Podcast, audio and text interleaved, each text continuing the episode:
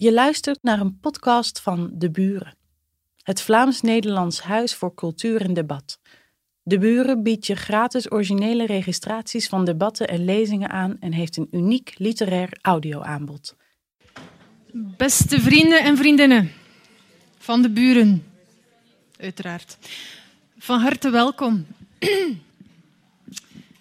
Het is alweer de derde avond uh, vanavond die we inrichten naar aanleiding van Made in Europe, de wekelijkse documentaire reeks van VPRO en Canvas over het cultureel DNA van Europa. Um, voor we eraan beginnen vanavond nodig ik u graag alvast uh, opnieuw uit bij ons volgende week dinsdagavond. Want dan gaan we samen aan erotiek doen. Daar moet u bij zijn natuurlijk. Geïnspireerd door Marquise de Sade als cultureel icoon uh, schreven wij met de buren een schrijfwedstrijd erotische kortverhalen uit. Um, waarvoor we zo'n 400 inzendingen hebben ontvangen. Dat was een heel uh, leuke twee weken om die allemaal te doorploegen. Um, een jury selecteerde daar uh, drie verhalen uit en die zullen worden voorgedragen en daarna kiest u de definitieve winnaar van ons rode oortje. En met erotiek kunnen we associatief naadloos over naar de vrije vrouw, denk ik. Of specifieker haar klederdracht.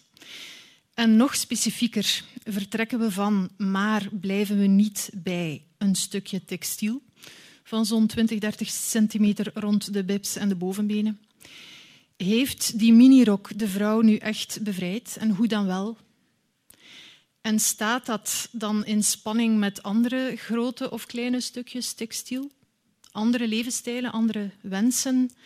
Wie bepaalt wat kan en wat niet? Een Nederlandse vriendin van mij, um, zij was een jonge vrouw in Amsterdam toen de minirok daar zijn opmars deed, jaren 60, 70 vertelde mij onlangs dat zij van dat bevrijdend effect bijvoorbeeld weinig merkte. Want zij had zoiets van, plots moest je seksueel losbandig zijn. Je moest sexy zijn. Je moest ja, aantrekkelijk zijn, rokje.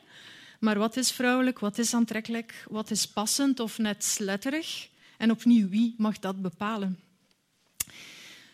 vanavond. Um, we gaan starten, zoals steeds, met een ode. Auteur en opiniemaker Simone van Saarloos. Haar romandebuut De Vrouw Die is uh, overigens sinds vorig jaar uit. Zij zal een uh, hoogst eigen ode aan de minirok uitspreken. En daarna komen zes vrouwen aan het woord die ons helpen nadenken over wat er anno 2017 op de agenda moet staan als het gaat over vrouwenvrijheid en kledij. Dat zijn achtereenvolgens Sylvia Holla van Atria, het Kennisinstituut voor Emancipatie en Vrouwengeschiedenis in Nederland. Marianne Nikjaar, een model. Murielle Scherre, die kennen we van La Fido en binnenkort ook van Hommage. Valérie Dupré, ze is psychologe, columniste en nog veel meer. Cultureel antropologe Malika Wacha. En Dalila Hermans, die onder andere schrijft voor uh, Charlie Magazine. En onze gastvrouw voor vanavond is Bieke Purnelle, co-directrice van ROSA, kenniscentrum voor gender en feminisme in Vlaanderen en voorheen van de Wereldmorgen. Zij zal u na de ode, uitgesproken door Simone, het verloop van de avond uh, toelichten. En um, ja, als dat geen mooie line-up is, weten wij het ook niet meer. Ik wens u een aangename en vooral een heel inspirerende avond toe.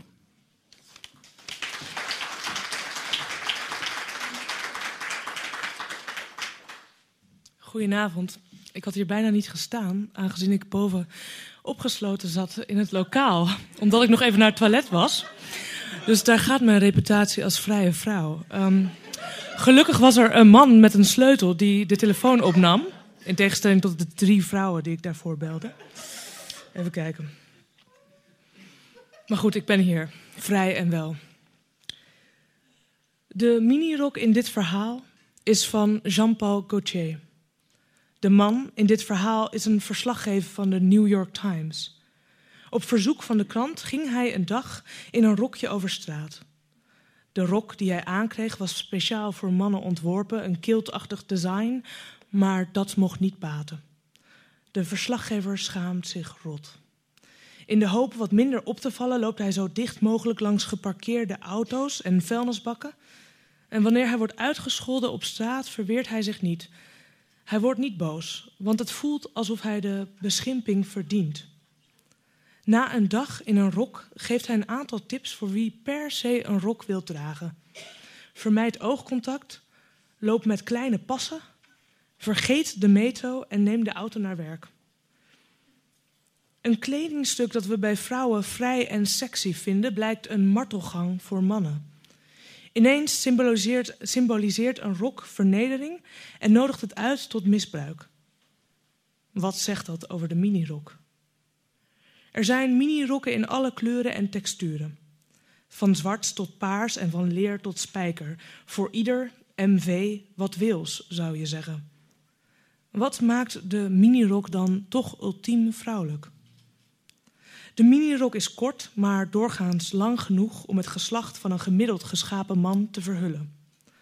De minirok laat weinig ruimte om te bukken of hurken, maar ook dit geldt, of dit geldt voor alle geslachten. Dus wat maakt de minirok vrouwelijk? Zit het in het wezen van de stof misschien? Ik heb twee minirokjes doormidden geknipt, één van spijker en één van katoen, en pluk de stof los tot garen, maar ik vond geen eicellen, geen geslachtschromosomen, geen melkklieren of baarmoeder. Waarom haalde ik de minirok zo letterlijk uiteen? Omdat fragmentarisch kijken een nieuwe blik op de werkelijkheid genereert.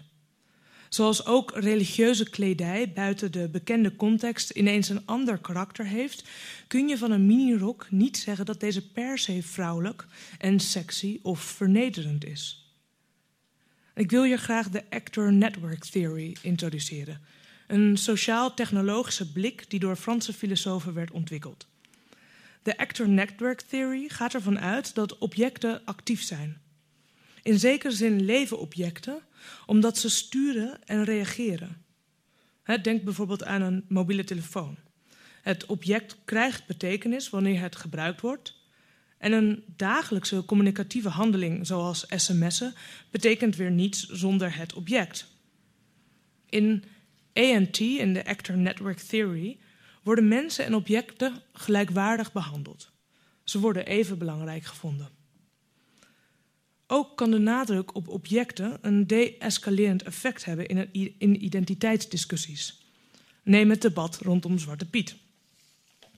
In plaats van vast te lopen in een wel eens niet discussie over het racistische karakter van Zwarte Piet, kun je volgens de Actor Network Theory beter met elkaar in gesprek gaan over de verschillende losse elementen van de figuur Zwarte Piet. Je kunt dus beter over de pruik, de lippenstift of de oorbellen discussiëren dan over het geheel. Wat impliceert de lippenstift? Zou een andere pruik met paars stijl haar ook kunnen? Deze vorm van de-escalering klinkt misschien oneigenlijk of als een vage afleiding van waar het werkelijk over gaat, maar dat is niet zo. Dit uit elkaar halen, dit ontkluwen, toont juist hoe alle elementen met elkaar verweven zijn, wat elk deeltje zelf en in het geheel betekent. Geen enkel label is immers definitief. Gestifte lippen alleen betekenen niks. Oorbellen alleen betekenen niets. Het zijn de combinaties die betekenis genereren. Ik kan vanavond alleen een ode aan de minirok houden wanneer ik de minirok volledig uit haar context trek. Daar is de minirok vrouwelijk, nog mannelijk, sexy, nog kuis. Daar is de minirok wat hij is. In essentie kort van stof. En voor wie de oude associatie met de minirok niet zomaar kan opgeven, heb ik een tip. Draai de boel gewoon om. Niet de minirok zelf, want die ziet er van boven meestal net zo uit als van onder, maar het, woord. Het woord. Dan heb je Corimin. De New York Times verslaggever droeg een Corimin. Dan zie je toch iets heel anders voor je. Dank u wel.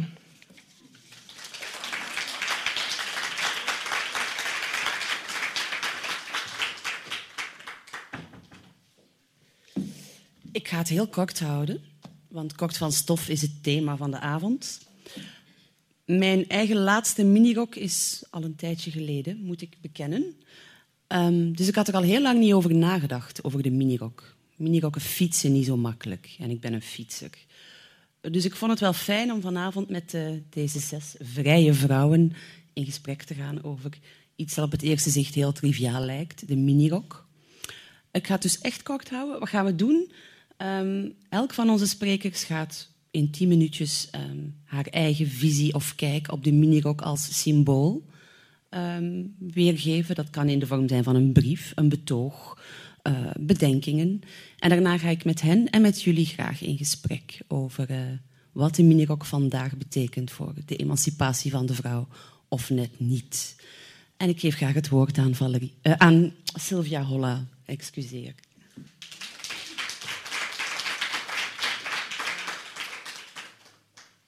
Goedenavond.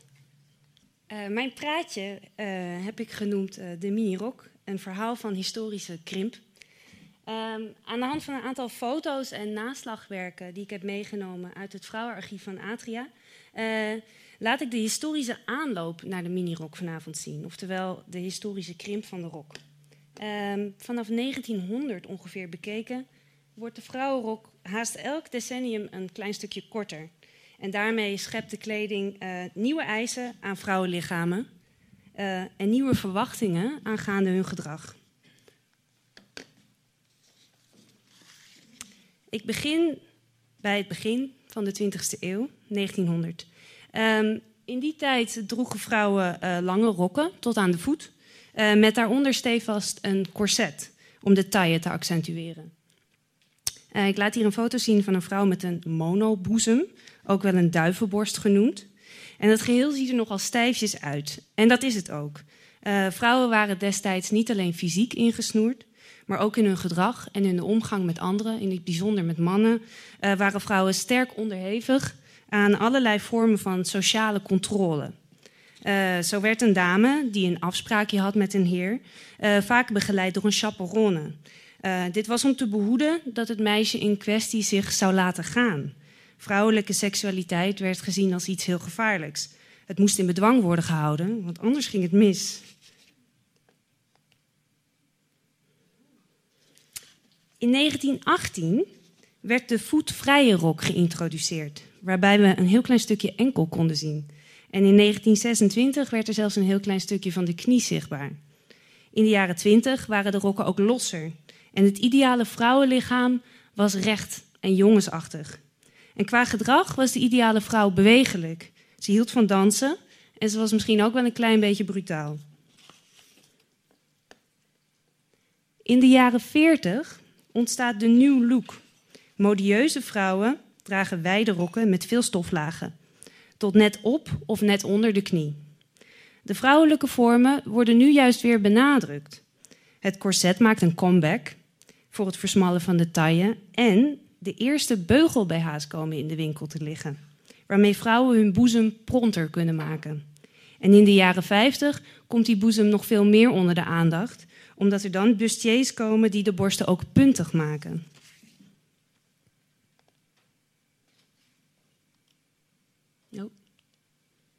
Dan de jaren 60, het tijdperk van de minirok. De toon voor deze nieuwe mode uh, wordt gezet door een model genaamd Twiggy. Een klein, kinderlijk en jongensachtig meisje met een heel kort jurkje aan. Twiggy dankt haar naam aan haar sprieterige lijfje. Ze is heel fragiel en haar maten komen niet boven maat 32, 34 van vandaag de dag. Het vrouwelijke schoonheidsideaal in de jaren 60 raakt sterk gebaseerd op deze look. Hierin staan jeugdigheid en slankheid heel centraal. En bovendien worden deze standaarden naar een nieuw en hoger level gebracht. De minirok komt dus eigenlijk tegelijk op met een vrij extreem schoonheidsideaal. Maar deze standaarden van slankheid en jeugdigheid waren voor, veel, voor lang niet alle vrouwen haalbaar, of eigenlijk maar voor heel weinig vrouwen. Het tijdperk van het corset is in de jaren 60 weliswaar een beetje voorbij, maar dit betekent lang geen bevrijding van het vrouwelijk lichaam. De externe controle van het corset werd namelijk vervangen door een sterke interne zelfregulering van het eigen lichaam. Door middel van diëten, aerobics, fitness, verschillende vormen van plastische chirurgie. Alles om maar slanker te lijken. En dit brengt mij op de vraag: wat voor vrijheid of wiens vrijheid wordt er nou eigenlijk gesymboliseerd door zo'n cultureel icoon zoals de minirok? En het antwoord is: het is natuurlijk maar net vanuit welke invalshoek je dat bekijkt. Zo symboliseert de minirok volgens mij enerzijds maatschappelijke vrijheid en gelijkheid, maar anderzijds ook een bepaalde lichamelijke onvrijheid. Laten we beginnen met die maatschappelijke vrijheid door sociale gelijkheid. De minirok staat volgens mij symbool voor deze enorme maatschappelijke verworvenheid. En om dit uit te leggen maak ik een heel klein sociologisch-historisch uitstapje.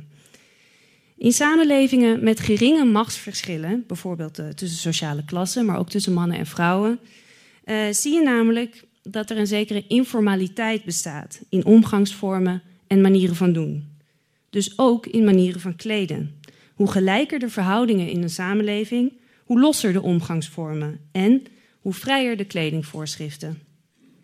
Vrije omgangsvormen en manieren van kleden zijn alleen mogelijk wanneer alle leden van de samenleving een vrij sterke zelfbeheersing hebben over hun emoties en hun impulsen of hun lusten.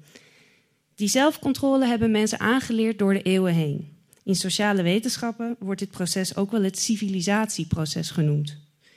Het gaat om een steeds verdergaande zelfcontrole van individuen over hun impulsen in steeds meer geavanceerde, grotere en meer complexe maatschappijen, waarin je afhankelijk bent en te maken hebt met heel veel verschillende typen mensen. Je inhouden en tot tien kunnen tellen in zo'n samenleving is van het grootste belang. Iedereen moet er in zo'n samenleving op kunnen vertrouwen dat iedereen die zelfbeheersing ten alle tijden op kan brengen. En pas als mensen daarop kunnen vertrouwen, kunnen ze, heel gecontroleerd, de teugels laten vieren. En dan is er ineens een stuk meer mogelijk. Vrouwen mogen dan een afspraakje hebben, zonder chaperone, omdat er, al dan niet terecht, op wordt vertrouwd dat zij hun date niet zullen verslinden. En ook de minirok is volgens mij een heel kenmerkend voorbeeld van dat controlled decontrolling. Het dragen van een heel kort rokje kan alleen in een samenleving waarin er wederzijds vertrouwen is. Dat die zelfcontrole over lusten, over emoties ook bestaat zonder de aanwezigheid van directe externe controle, zoals bijvoorbeeld politie op straat. Kortom, door individuele zelfcontrole wordt een samenleving in zijn geheel vrijer. En deze maatschappelijke vrijheid is volgens mij iets wat de minirok goed laat zien. Dus mensen die zich bij het zien van een minirok heel erg zorgen beginnen te maken over seksualisering of pornificatie van de samenleving, kunnen nu met rust hard gaan slapen. Minirokken kunnen sexy zijn, maar wijzen niet per se op seksuele losbandigheid. Integendeel. Zoals een van de vrouwen uit de aflevering ook zegt: Mijn minirok is geen uitnodiging tot seks. En zij durft ervan uit te gaan dat mensen om haar heen dat ook zo voelen. Maar de minirok laat volgens mij ook onvrijheden zien. En belangrijker daarvan is de disciplinering van het vrouwenlichaam. Want de minirok, hoe mooi je hem ook mag vinden, is niet voor iedereen. Die minirok die eist een bepaald lichaam. Eentje die slank is, maar die boven alles ook jong is. In de aflevering zegt een van de vrouwen: It's nice to wear one if you can. De minirok stelt hoge schoonheidseisen aan het vrouwenlichaam, in het bijzonder qua slankheid en jeugdigheid. Het voldoen aan die schoonheidsstandaarden loont vandaag de dag misschien wel meer dan ooit. Uit recente onderzoeken blijkt dat mensen die mooi worden gevonden, meer kans maken bij sollicitaties, een grotere vriendenkring hebben en over het algemeen gewoon leuker worden gevonden. Schoonheid heeft dus een soort halo-effect. Als je mooi wordt gevonden, denken mensen allerlei goeds over je. Terwijl we allemaal heus wel weten dat mooie mensen lang niet altijd intelligenter of aardiger zijn dan minder mooie mensen. En aan de andere kant worden minder mooie mensen tegenwoordig harder afgerekend op hun uiterlijk. Denk aan mensen met overgewicht, waar tegenwoordig heel moralistisch over wordt gedaan. Zij worden niet alleen vanuit, uh, vanuit esthetisch oogpunt negatief beoordeeld, maar ook vanuit moreel oogpunt. Omdat ze niet goed voor zichzelf zouden zorgen of lui zouden zijn. Schoonheid brengt dus sociale ongelijkheid met zich mee. Meisjes en vrouwen die aan de huidige schoonheidsstandaarden voldoen, kunnen hun schoonheid benadrukken door het dragen van een onthullende minirok en er zo een voordeel uithalen. Maar mensen die helemaal niet zo goed aan de huidige schoonheidsstandaarden voldoen, durven zo'n rok vaak niet aan te doen. En worden, als ze dat wel doen, misschien wel dubbel gesanctioneerd. Kortom, een kledingstuk als de minirok maakt sociale ongelijkheid op basis van uiterlijk dus zichtbaarder en misschien ook wel groter. Dan als laatste is er nog die fysieke bewegingsvrijheid of het gebrek daaraan bij het dragen van een minirok. Zoals in de aflevering ook naar voren kwam, you sacrifice some comfort because you have to keep your legs together. Veel vrouwen kiezen daarom voor de broek.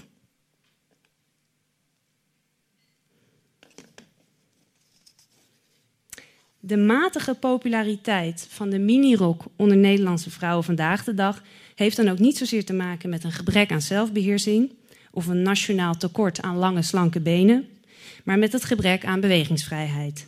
Zij verkiezen de broek boven de rok.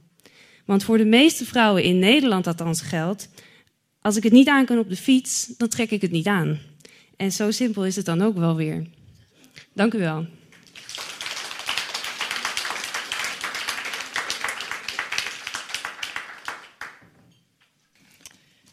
zou waarschijnlijk wat omhoog moeten.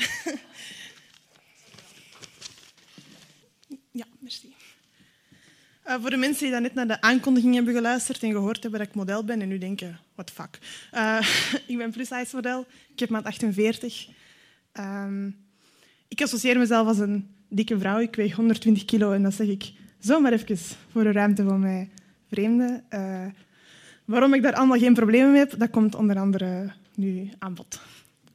Uh, ik weet niet of jullie gezien hebben wat ik, wat ik aan heb. Ik was mij vanochtend aan het aankleden. Ik had deze kleedje op toog. Was iets korter. Ik vond het wel gepast voor een avond over de minirok. Maar niet zo kort dat um, de mensen die in stoelen zouden zitten recht in mijn onderbroek zouden kunnen zien, moest ik op een podium staan. dus ik vond het wel een goede keuze van mezelf. En mijn moeder liep langs en um, die zei tegen mij, ga je dat aan doen? Ik zeg, ja. Ja, waarom niet? Je hebt daar het lijf niet voor. Ik zeg, uh, ah ja, oké. Waarom heb ik daar het lijf niet voor? Ja, je kunt in dat kleedje supergoed zien dat je dikke benen hebt en je ziet je buikje zo. En, allee, ja, kleding is toch gemaakt om te flatteren. Hè, en, allee, om je lichaam mooier te maken en om je zwakke punten zo wat te verdoezelen. Ik zeg, mama, ik, ik vind mijn benen geen zwak punt. Hè. Ik vind dat ik vind het niet erg dat die, dat die voller zijn. Ik vind dat oké, hè. Oké, zegt ze. Hoe kan dat nu? Is dat toch veel te dik? Dus ze vond dat letterlijk raar dat ik oké was met mijn lichaam en dat ik deze zou aandoen omdat ik te dik ben. Um, als ik dat tegen vriendinnen vertel, dan vinden die dat triestig en chockerend. En voor een stuk um, is dat ook wel zo. Maar tegelijkertijd zegt ze mij niks nieuws. Ik hoor al 15 jaar in media dat ik een heleboel dingen niet mag dragen. Dus ik mag geen crop tops, ik mag geen shortjes, ik mag geen blote armen, ik mag geen bikinis, ik mag geen blote buiken, ik mag geen legging als broek en ik mag zeker geen minirok. Dus ik mag geen minirok. En uh, we zijn hier vanavond om te praten over de bevrijding van de vrouw door de minirok. En als we eerlijk zijn, dan telt dat eigenlijk alleen maar voor slanke vrouwen. Voor vrouwen met een goed lijf en met goede benen. En als je geen goede benen hebt, gelijk mij blijkbaar, dan hoort je flatterend te kleden. Maar wat is dat nu eigenlijk flatterend? Flatterend dat wil zeggen dat ik een lange rok aandoe die tot op de knie valt in een A-lijn, zodanig dat mijn heupen en mijn bovenbenen verdoezeld zijn en de aandacht verlegd wordt naar mijn slanke onderbenen. Flatterend dat wil zeggen dat ik mouwen aandoe in plaats van mouwloos, zodat je mijn dikke armen niet kunt zien en dat ik altijd mijn taille benadruk, want dat is mijn smalste punt. En dat ik een V-hals draag, omdat het de borst optisch kleiner maakt. Flatterend, dat is eigenlijk gewoon een woord om te zeggen dat je er smaller moet uitzien. Want smaller, is beter. Ik ben nerveus. um, ja, dus smaller is beter. En eigenlijk, als je iets wilt dragen dat je lichaam toont zoals het is, Ehm, met zijn rolletjes en zijn vetjes en alles wat je hebt, dan is dat onflatterend en dat moet alle kost vermeden worden. Dat is echt... Dat is als vrouw het ergste dat kunt doen. Bewust iets onflatterend dragen. Dus wat wil onflatterend nu eigenlijk zeggen? Dat mijn lichaam tonen zoals het is, dat mijn lichaam zoals het is, dat dat eigenlijk niet oké is. Dat is wat dat flatterend wil zeggen.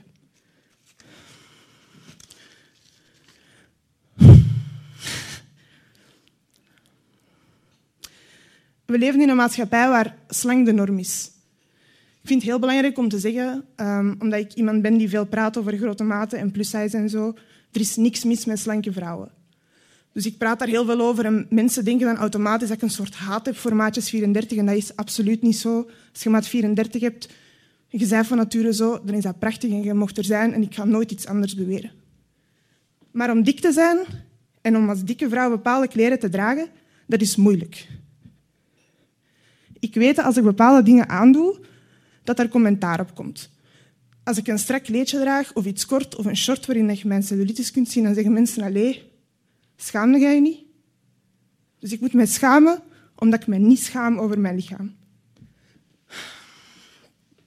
Dat is een heel raar mechanisme en dat heeft twee grote redenen. En het eerste is, you are not supposed to love yourself. Love yourself. Love yourself, sister. Nee. um, nee, maar dat klopt. 4% van de vrouwen um, kan over haar lippen krijgen dat ze zichzelf mooi vindt. Dat is maar 4%. Hè? Dat wil zeggen dat de meerderheid van de vrouwen dat niet gezegd krijgt over zichzelf. En dat is ja, super triestig. Wij komen als vrouwen ook samen om te klagen over ons lichaam. Hè? Je zit met een hele hoop vriendinnen samen, wijntje erbij. Ik haat mijn buik. Oh, ik haat mijn billen. En zo gaat het een hele avond door. Hè? En als je daar iets op zegt van... Vind je dat niet normaal dat je zo zegt dat je lijf haat? Dan zeg je, ja, maar ja, dat doen vrouwen nu eenmaal. Hè? Zo zijn vrouwen nu eenmaal. Hè? Alsof dat je geboren bent met een gen dat ervoor zorgt dat je eigen lichaam gaat haten. En dat is niet zo. We hebben zo geen gen. Dat is cultuur. En we geven dat ook door van generatie op generatie, want mijn moeder is echt zo raar niet. 67 procent van de meisjes tussen 5 en 15 jaar groeit op een moeder die kritiek heeft op hun lichaam. Dat is heel normaal. Wil even iets voorlezen. Um, het is een stukje van een groot online vrouwenplatform. Dat gaat over de omstandigheden waarin je een minirok kunt dragen. Het is de moeite, hè?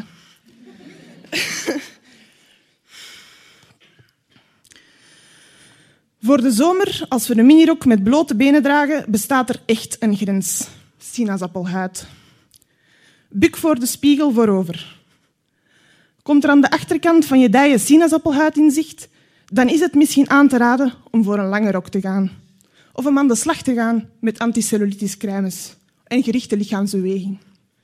Zie je pitjes? Kleed je dan om of kom in actie. Ze hebben cellulitis geen korte rok dragen. Hè. Koopt u een kremmetje, gaat u een hoekje schamen, bij voorkeur in een lange broek. Hè. Want dat kan echt niet, de minirok, als je dik zij cellulitis hebt. Nu, ik zou die test dus compleet falen, want ik heb niet alleen cellulitis op de bovenste en achterkant van mijn dijen, maar ook op de onderkant en op de voorkant en op de zijkant. En in sommig licht op mijn armen en op mijn buik. um, ik heb, ben redelijk zeker dat mijn cellulitis van plan is om gradueel heel mijn lichaam over te nemen. Jaar na jaar komt daar iets meer cellulitis bij. En uh, ik vind dat oké. Iedereen heeft dat. Ik zie letterlijk niet in waarom ik mij zou moeten schamen voor iets dat iedereen heeft. Um, ik vind dat normaal. Maar heel veel vrouwen vinden dat niet normaal, dat ik dat normaal vind. En in een wereld waarin 96% van de, van de vrouwen het niet over haar lippen krijgt om te zeggen ik ben mooi, wordt dat bijna als iets gevaarlijk te zien om te zeggen, weet je wat, ik vind mijn eigen mooi. Ik vind mijn lichaam oké. Okay. Cellulitis en putjes en al wat je wilt, ik ben mooi. Dus vrouwen die mogen zichzelf niet mooi vinden. Sterker dan dat, er zijn miljarden industrieën die er financieel baat bij hebben als jij onzeker bent. Als jij je lichaam gaat haten, dan kunnen zij naar u komen en zeggen ik heb het crèmeke dat gaat oplossen. Dat gaat dat niet oplossen. Hè? Allee, je zou, zo, je zoveel geld kunnen besparen door te zeggen fuck you, I love my cellulite en met dat geld op vakantie te gaan. Het zou zoveel gemakkelijker zijn, maar nee, op een of andere manier kopen liever allemaal een crèmeke en gaan we verder met ons lijf te haten dan te leren van goed in ons vel te zijn. Het tweede probleem is dat je als vrouw eigenlijk geen ruimte hoort in te nemen. hoort als vrouw klein en smal te zijn, letterlijk en figuurlijk. Vrouwen zitten vaak met hun benen over elkaar, hun knieën over elkaar, hun knieën tegen elkaar gedrukt, hun handen in hun schoot. Niet gelijk mannen met hun benen wijd en hun armen wijd. Vrouwen doen dat niet. Ik heb dat eens in een, in een metro gezeten. En een vrouw zit zitten met haar benen wijd en haar armen op de leuning. Hoeveel mannen doen dat? Ik zie daar twee mensen knikken. Ja. Um, maar dat gaat ook verder dan dat. Je hoort als vrouw niet luid te zijn. Je hoort geen mening te hebben. Je hoort geen mensen te onderbreken. Je moet heel de tijd gecontroleerd zijn en beheerst en rustig, want dat is vrouwelijk. Die fascinatie voor zo weinig mogelijk ruimte innemen is heel erg duidelijk in een tie gap. Nu, een tie gap is als je met je voeten bij elkaar staat en de bovenkant van je benen elkaar niet raakt. Dus dat je letterlijk een stuk negatieve ruimte tussen je benen hebt. De helft van de vrouwen is dan zeker dat ze dat niet heeft. Ik lees nog eens iets van een boekje. De minirok is terug. Tijd om een paar kilo's te verliezen. Een van de beste manieren om smallere bovenbenen te krijgen is met behulp van deze simpele oefeningen. Dus de boodschap is weer duidelijk. Hè? Als je benen hebt, gelijk die van mij, die tegen elkaar uh, schuren als je loopt en die dat jiggelen als je wandelt, vooral geen minirok dragen. Dat is alleen voor als je een stuk negatieve ruimte tussen je benen hebt. Eigenlijk vanaf het moment dat ik mij bewust was dat ik een lichaam had, was ik mij bewust van het feit dat andere mensen een mening hadden over dat lichaam. En ik heb dat altijd normaal gevonden, dat ik mij moest aanpassen aan die mening. En dat heb ik ook heel lang gedaan. Dus ik droeg flatterende kleding en ik smeerde kremmetjes en ik hield me in en ik beet op mijn tong en ik haatte mijn lijf gelijk iedereen. En op een gegeven moment was ik dat beu. Ik wou dat gewoon echt niet meer. Dat brengt mij niks. Dus ik ben daarmee gestopt. Ik ben gestopt met kremmetjes, ik ben gestopt met bitchen. Ik ben gestart met mijn eigen graag zien. Onvoorwaardelijk, zonder excuses. Ook als ik tien kilo verdikt was. Ook in een paskotje van H&M met dat verschrikkelijk licht. Ook dan denk ik, fuck, ik zie er supergoed uit. Um, en voor mij is dat bevrijding, weet je. Dragen wat ik wil, met lijf dat ik wil. Dus ik draag bikinis en strakke kleedjes en crop tops en shorts en minirokken. Wat dat iemand daar ook van vindt. En ik weet dat daar weerstand op komt. Ik weet dat mensen gaan zeggen, wat heeft die nu aan? Schaamt hij zich niet? En ik doe het toch. Dat is een soort van mijn activisme. Want dit is mijn lijf en ik draag wat ik wil, ook als ik daar zogezegd het juiste lijf niet voor heb. Dank u.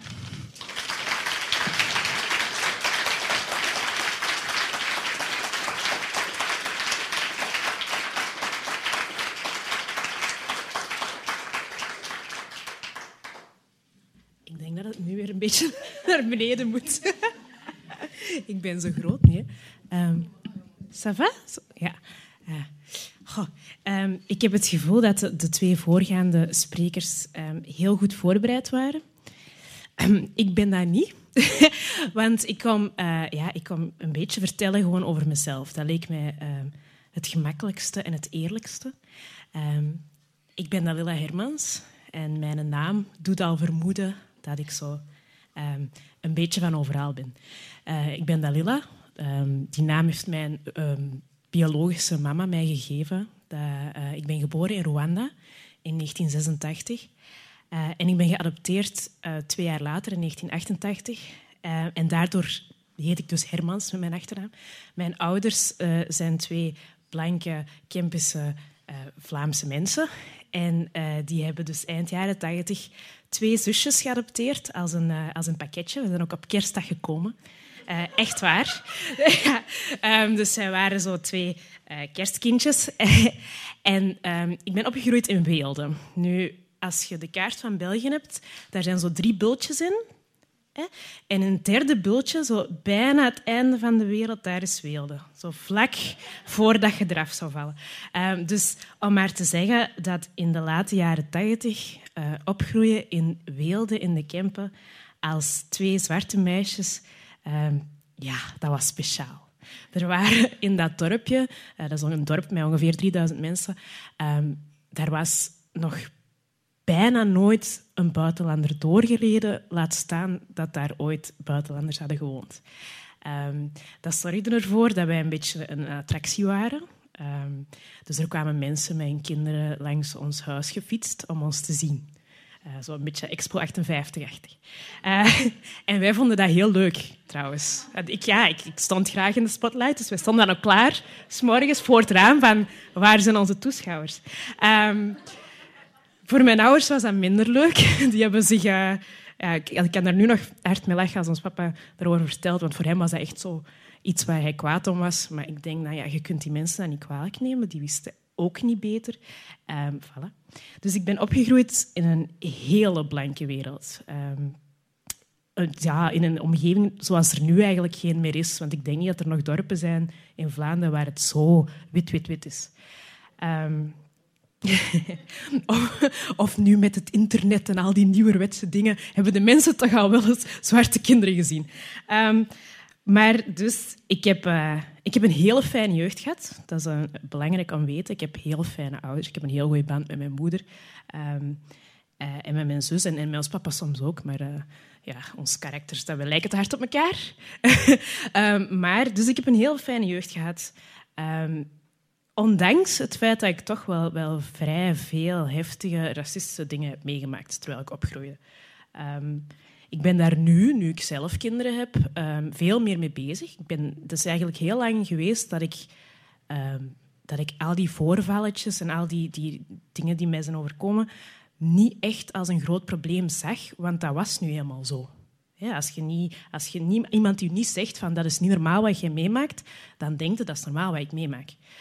Um, dus dat heeft een hele tijd geduurd en, en, ik ben nu zo door een proces gegaan waarin dat ik al die dingen een plaats heb gegeven en, um, en beter weet wie ik ben. Want ik denk dat het een heel um, typisch uh, verhaal van geadopteerde kinderen is dat ze heel lang moeten zoeken naar wie ben ik. Want je bent eigenlijk letterlijk niet wie dat je bent. Je bent geboren en je waart iemand en een paar jaar later ben je opeens iemand anders geworden. Je hebt een andere naam gekregen, een andere omgeving, andere ouders. Dat is heel verwarrend um, en dat maakt dat, dat, dat echt een, een, een inspanning vraagt om te zoeken naar wat is nu eigenlijk echt mijn identiteit. Om dan eindelijk bij kleding te komen. Um, dat was het eerste wat ik dacht toen ik um, de uitnodiging kreeg om hier te komen vertellen. Is dat voor mij het dragen van een minirok juist heel conformistisch was en helemaal niet um, rebels. Ik heb namelijk heel lang um, mij zo westers mogelijk gekleed en zo westers mogelijk gedaan. En alles wat mijn vriendinnen deden, want al mijn vriendinnen waren blanke Vlaamse meisjes, we zaten samen in de KSC, we waren ja, oer-Vlaams. Um, ik wilde dat ook allemaal, want ja, niemand, zeker in zijn puberteit, vindt het leuk om constant op te vallen. En ik viel al zo hard op. Um, dus als, als ik 13, 14 jaar was, werd het opeens mode om zo klemmetjes in je haar te doen. Ik weet niet of sommige meisjes dat nog wel weten. Dus ik deed dat ook. Maar dat is geen zicht als je een afro hebt. Daarvoor heb je recht haar nodig. Um, hetzelfde met uh, strakke jeansbroeken dragen. Al mijn vriendinnen droegen dat, dus ik ging ook naar de H&M en ik droeg dat ook. Maar dat past niet goed als je een ronde Afrikaanse kont hebt.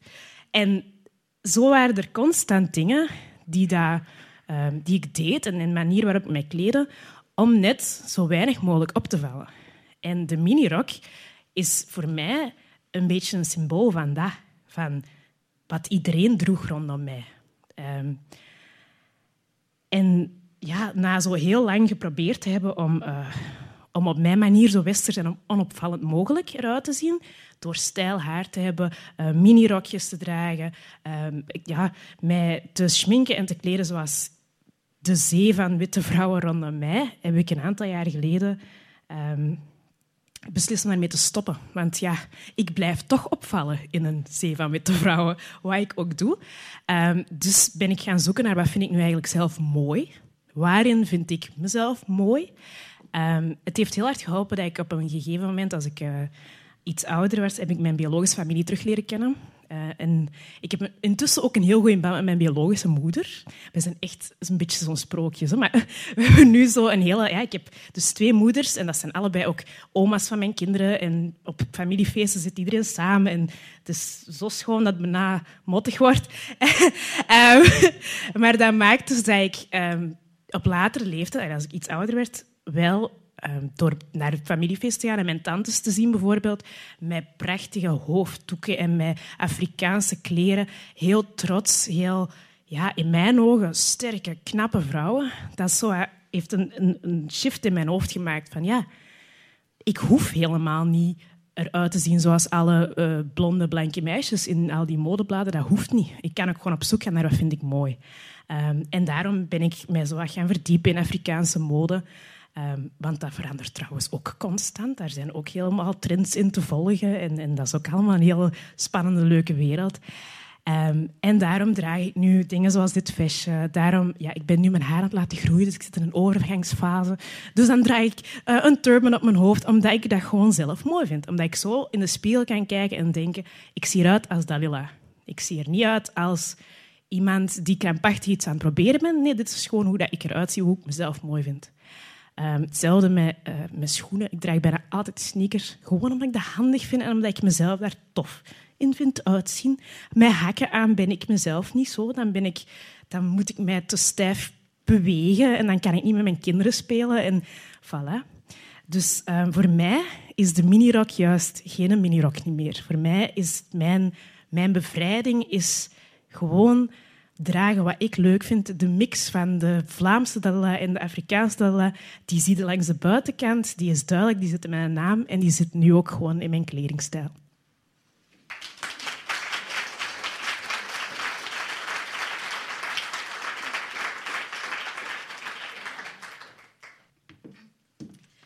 Goedenavond.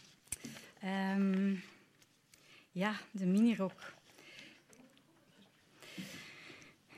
De minirok um, die werkt bij mijn dochter van vijf als een rode lap op een stier. Um, zij weet heel goed wat ze wil en dat is dus geen minirok. Nu, dat is zo 90% van de tijd.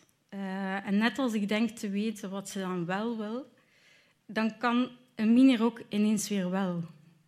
Nu, um, omdat dat s morgens bij het aankleden wel eens voor strubbelingen kan zorgen. En omdat ze daaruit zou kunnen afleiden dat ik haar bepaalde kledingstukken wil opdringen, heb ik haar een, eh, een brief geschreven. Ik zou die heel graag aan jullie voorlezen. Ik ben een mini beetje zenuwachtig, dus, maar dat gaat direct wel beter zijn. Lieve Mini, jij wil geen rok. Dat is je goed recht. Een rok zet je wilde plannen in de weg. En hoe korter van stof, hoe meer het wringt. Je been zijdelings over je zadel zwieren, spannend. De glijbaan langs de gladde kant beklimmen, onthullend je linkervoet op de groene twisterbol en je rechter op de rode. Strak plan, maar het leidt zelden tot de succesvolle spreidstand.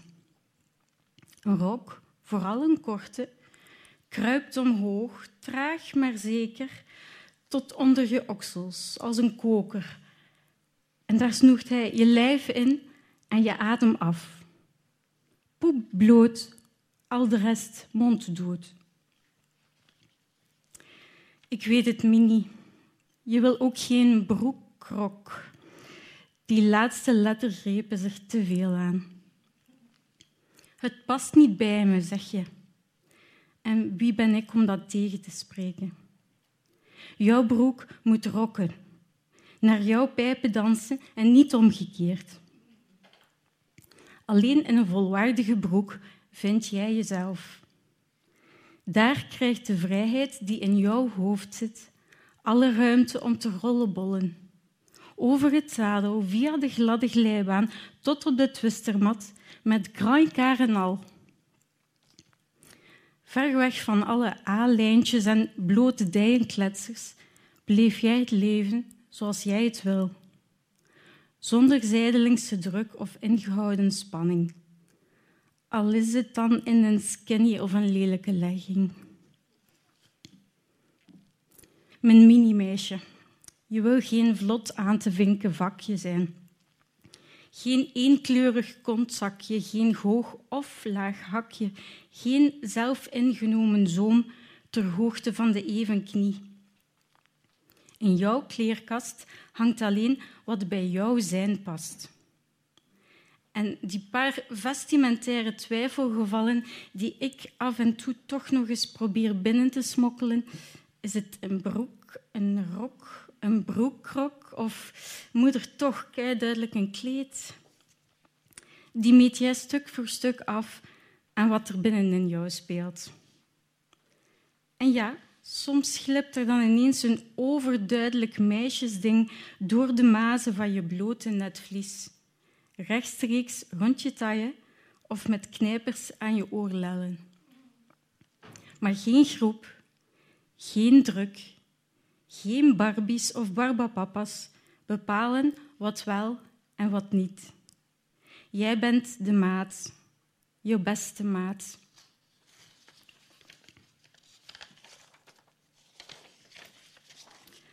Hou vol, liefje, want de brillen komen eraan. De brillen met hun bijziende blikken die priemen en prikken en vezelend zullen brullen dat je binnen de lijntjes moet blijven. Het zijn de brillen die willen bepalen hoe jij jezelf en de ander ziet. Hoe jij je moet voelen in je hoofd, in je hart en tussen je benen. En wat je hoort te dragen om erbij te horen. Kijk daar in de verte, zie ze marcheren. Ze komen van alle kanten, uit kerken en ivoren torens en mangaten gekropen. Ze willen je blik bijstellen, je eigen kijk op vrouwelijk, frank en vrij corrigeren, zodat er geen afwijkingen meer zijn. Of toch geen significante. Eén voor allen, allen voor één visie. Niet wegkijken, Mini. Laat ze maar naderen. En als ze dicht genoeg zijn, neem je ze bij de arm en probeer je ze allemaal uit. De bril van Suleiman, maar ook die zware zwarte van tante Lucienne. Zet ze op je neus en zie hoe rokken lengen en krimpen. En hoe rollen en patronen mee variëren en soms radicaal verschillen. Haal ook eens een goddelijk montuur in huis, sla een kruis en zie wat er verschijnt. Of doe lekker astrand en kijk naar de mens door de lenzen van een pimped-out, chromed-out model. Het zal je helpen om te begrijpen, om dwingende, ogenschijnlijk tegenstrijdige blikken een plaats te geven in je eigen leven.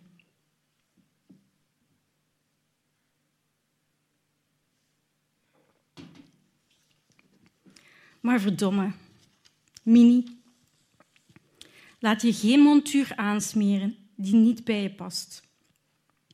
Pas voor elke bril die het zicht op jezelf bezoedelt. Kijk elke ochtend recht in de spiegel en haal alles uit de kast voor die grenzeloze geest van jou. Je hoeft je niet te vermannen. Je hebt geen mini, micro of eigen kaart van de macro nodig om je een vrije vrouw te voelen.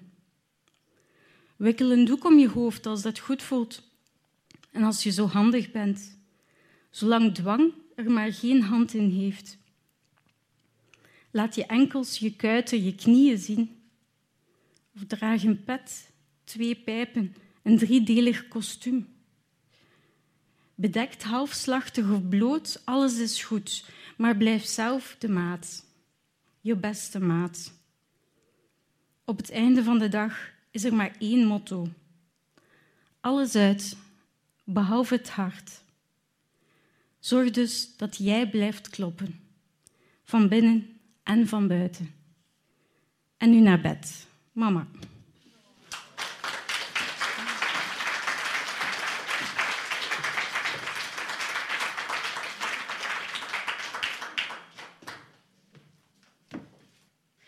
Allemaal, ik ben Malika Washa. En ik heb niks voorbereid, omdat ik een heel ander programma in mijn hoofd had. Maar dat is oké, want ik zat daar en ik moest denken, god, wat moet ik nou zeggen? En ik moet ineens enorm denken aan het moment dat ik de mail ontving van Anne En ik zat, uh, het was eind uh, november en ik was erg druk bezig met het schrijven van mijn masterthesis. Right.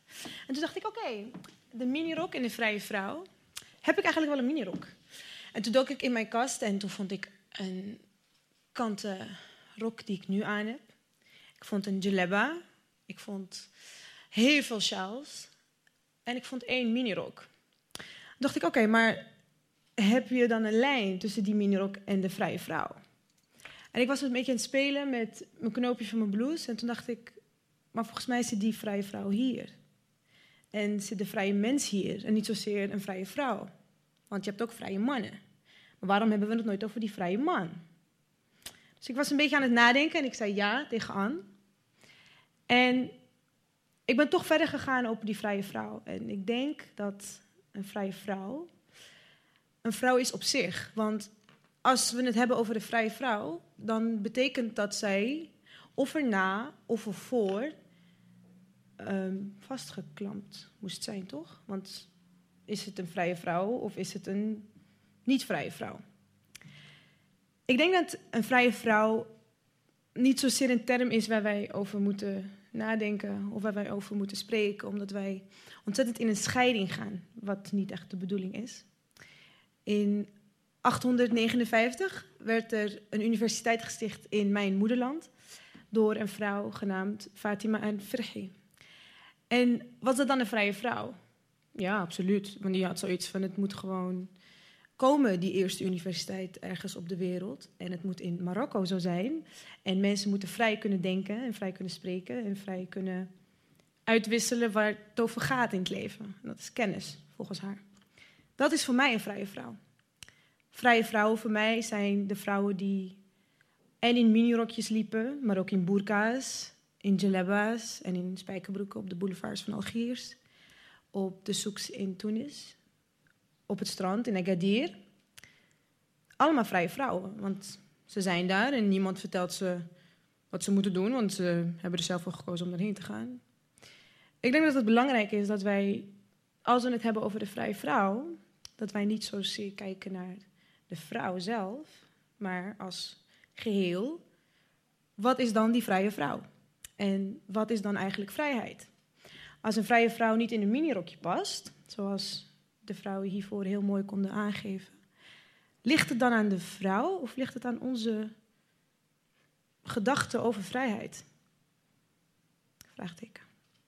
Ik vind het een hele interessante vraag en ik hoop daar straks ook met jullie daarop in te gaan. En um, ik ga het hierbij laten. All right.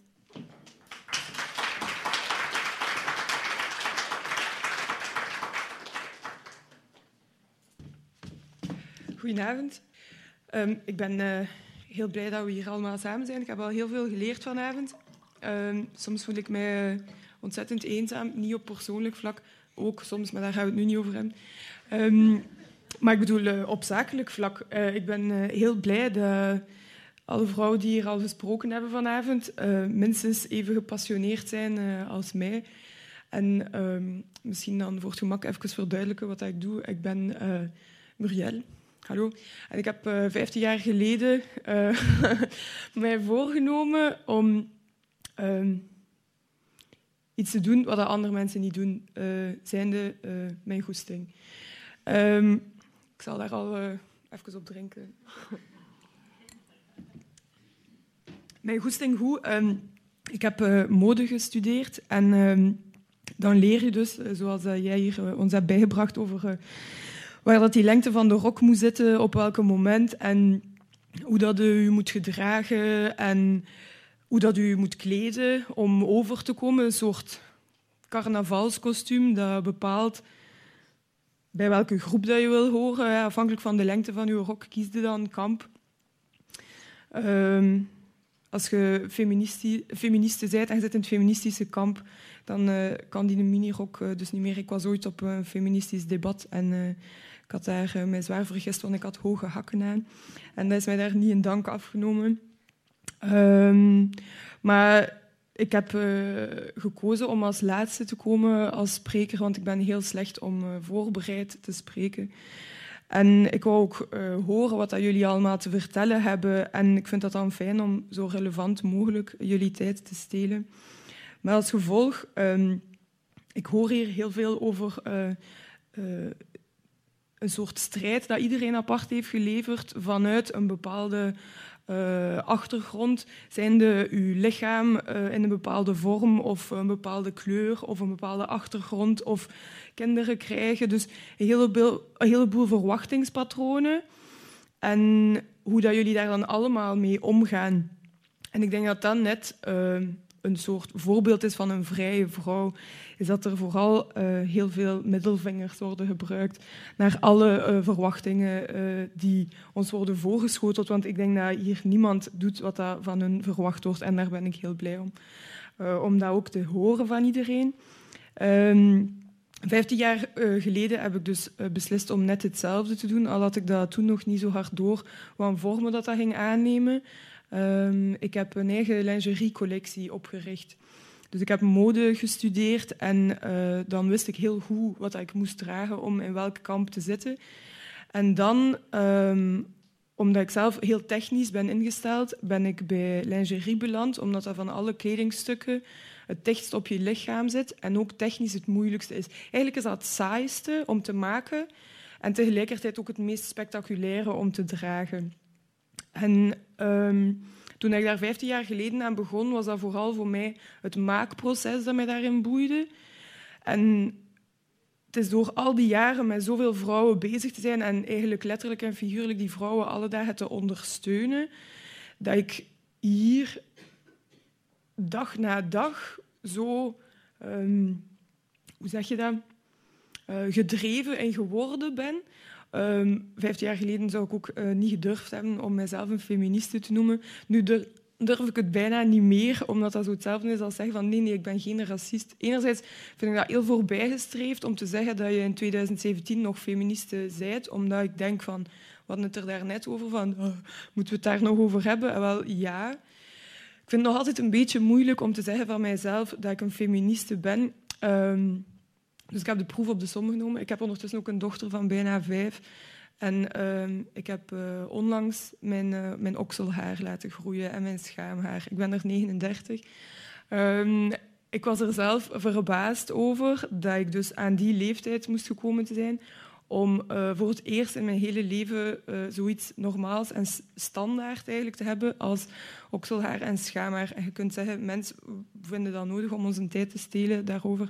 En wel, uh, ja. dus uh, bij, bijvoorbeeld mijn excuses daarvoor. Straks in het debat zal ik veel meer zinnige dingen vertellen, maar nu wil ik het even hebben over mijn schaamhaar.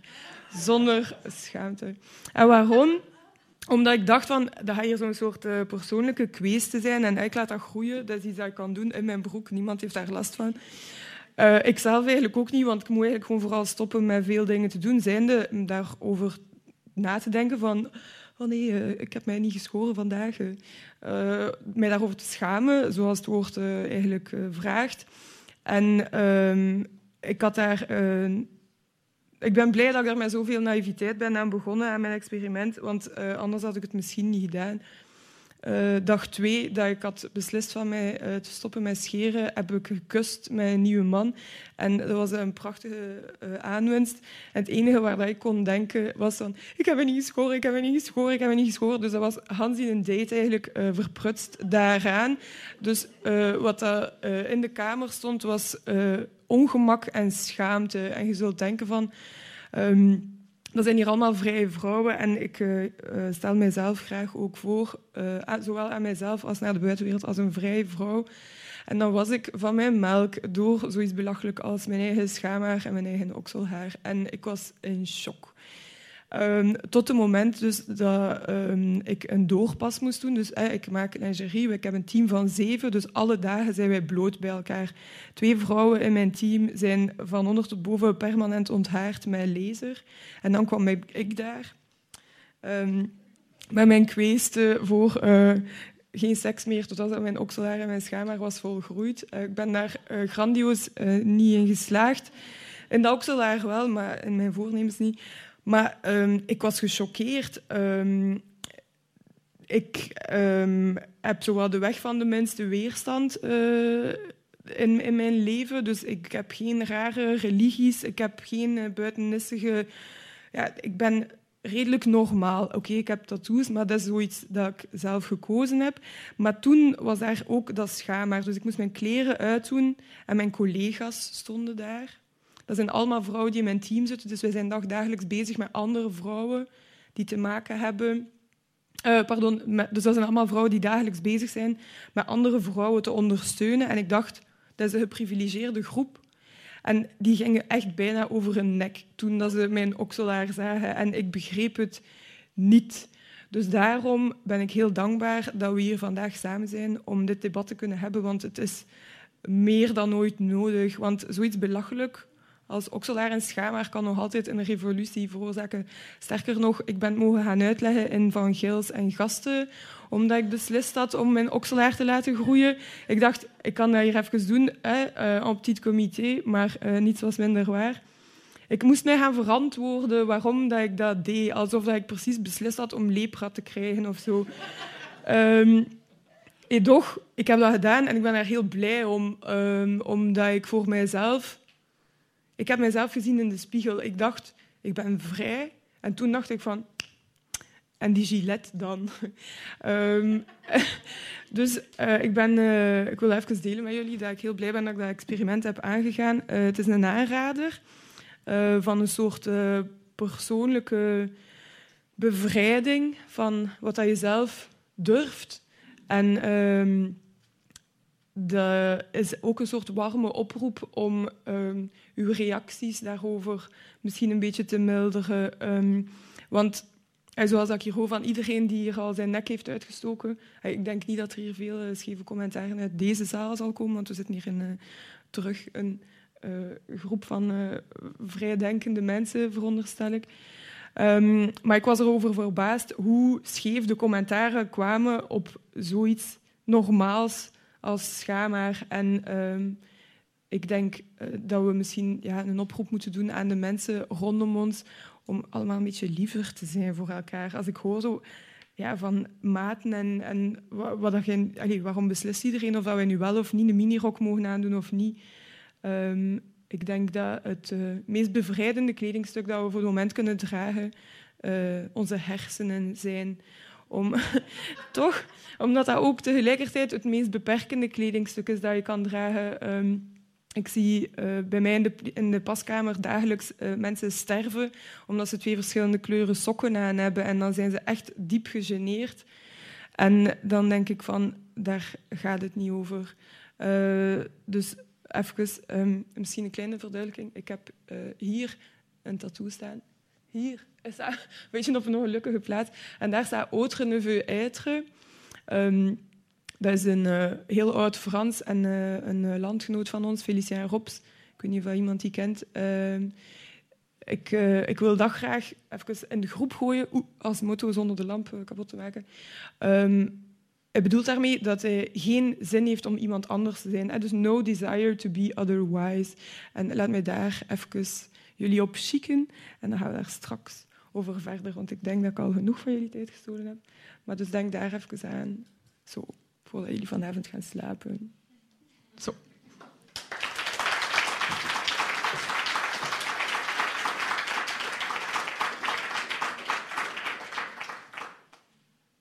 Zo. Is iedereen geïnstalleerd? Ja. Ah, ja.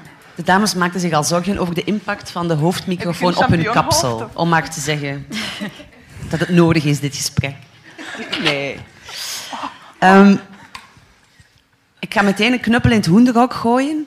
Um, we hebben het over de minirok. Een minirok is een mode, denk ik toch? En ik zat mij eigenlijk de hele avond al af te vragen... Is mode en vrijheid, zijn die twee überhaupt wel um, compatibel? Want als ik aan mode denk, dan denk ik aan normen, uh, verwachtingen. Hè? Wat draag je wel dit seizoen en wat niet? Uh, dat geldt ook voor de minirok. Dus ik vond van bij het begin, als ik de opzet van het debat las, dacht ik van ja, minirok bevrijdend, maar ik weet het niet. Kan dat wel?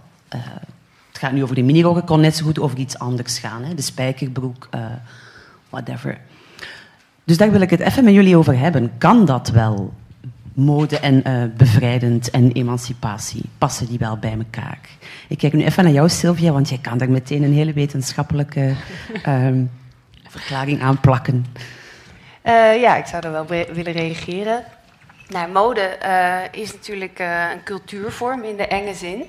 En ik denk dat alle vormen van cultuur, of het nou hè, muziek is, of literatuur, of poëzie, of schilderkunst, dat gebeurt altijd binnen een, binnen een kader van mogelijkheden en beperkingen. En zo biedt mode ook een heel palet aan mogelijkheden voor zelfexpressie, maar zitten daar inderdaad ook allerlei grenzen aan. Maar ik denk wel dat uh, mode ook uitnodigt om telkens weer die grenzen op te zoeken en daar buiten te treden. Hè?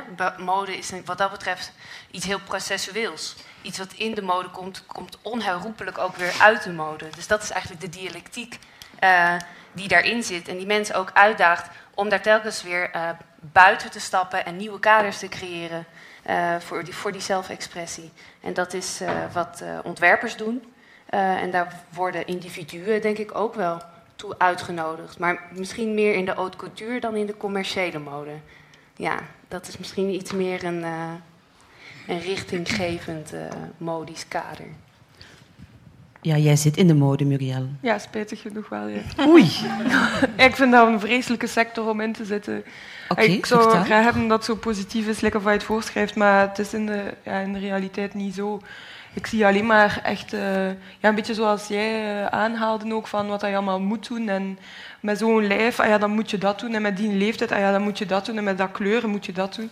En ja, als je een wintertype bent, ja, dan geen blauw dragen. Wat is een wintertype? Ja, dus, ja, niemand weet dat toch. Ja. Dat, dat, doet er ook niet toe. Als je goesting hebt om alleen nog... Uh, toen ik zwanger was en dat ik bevallen ben, waren mensen in shock omdat ik zwart droeg. Dat je geen zwart mocht dragen in het kraambed.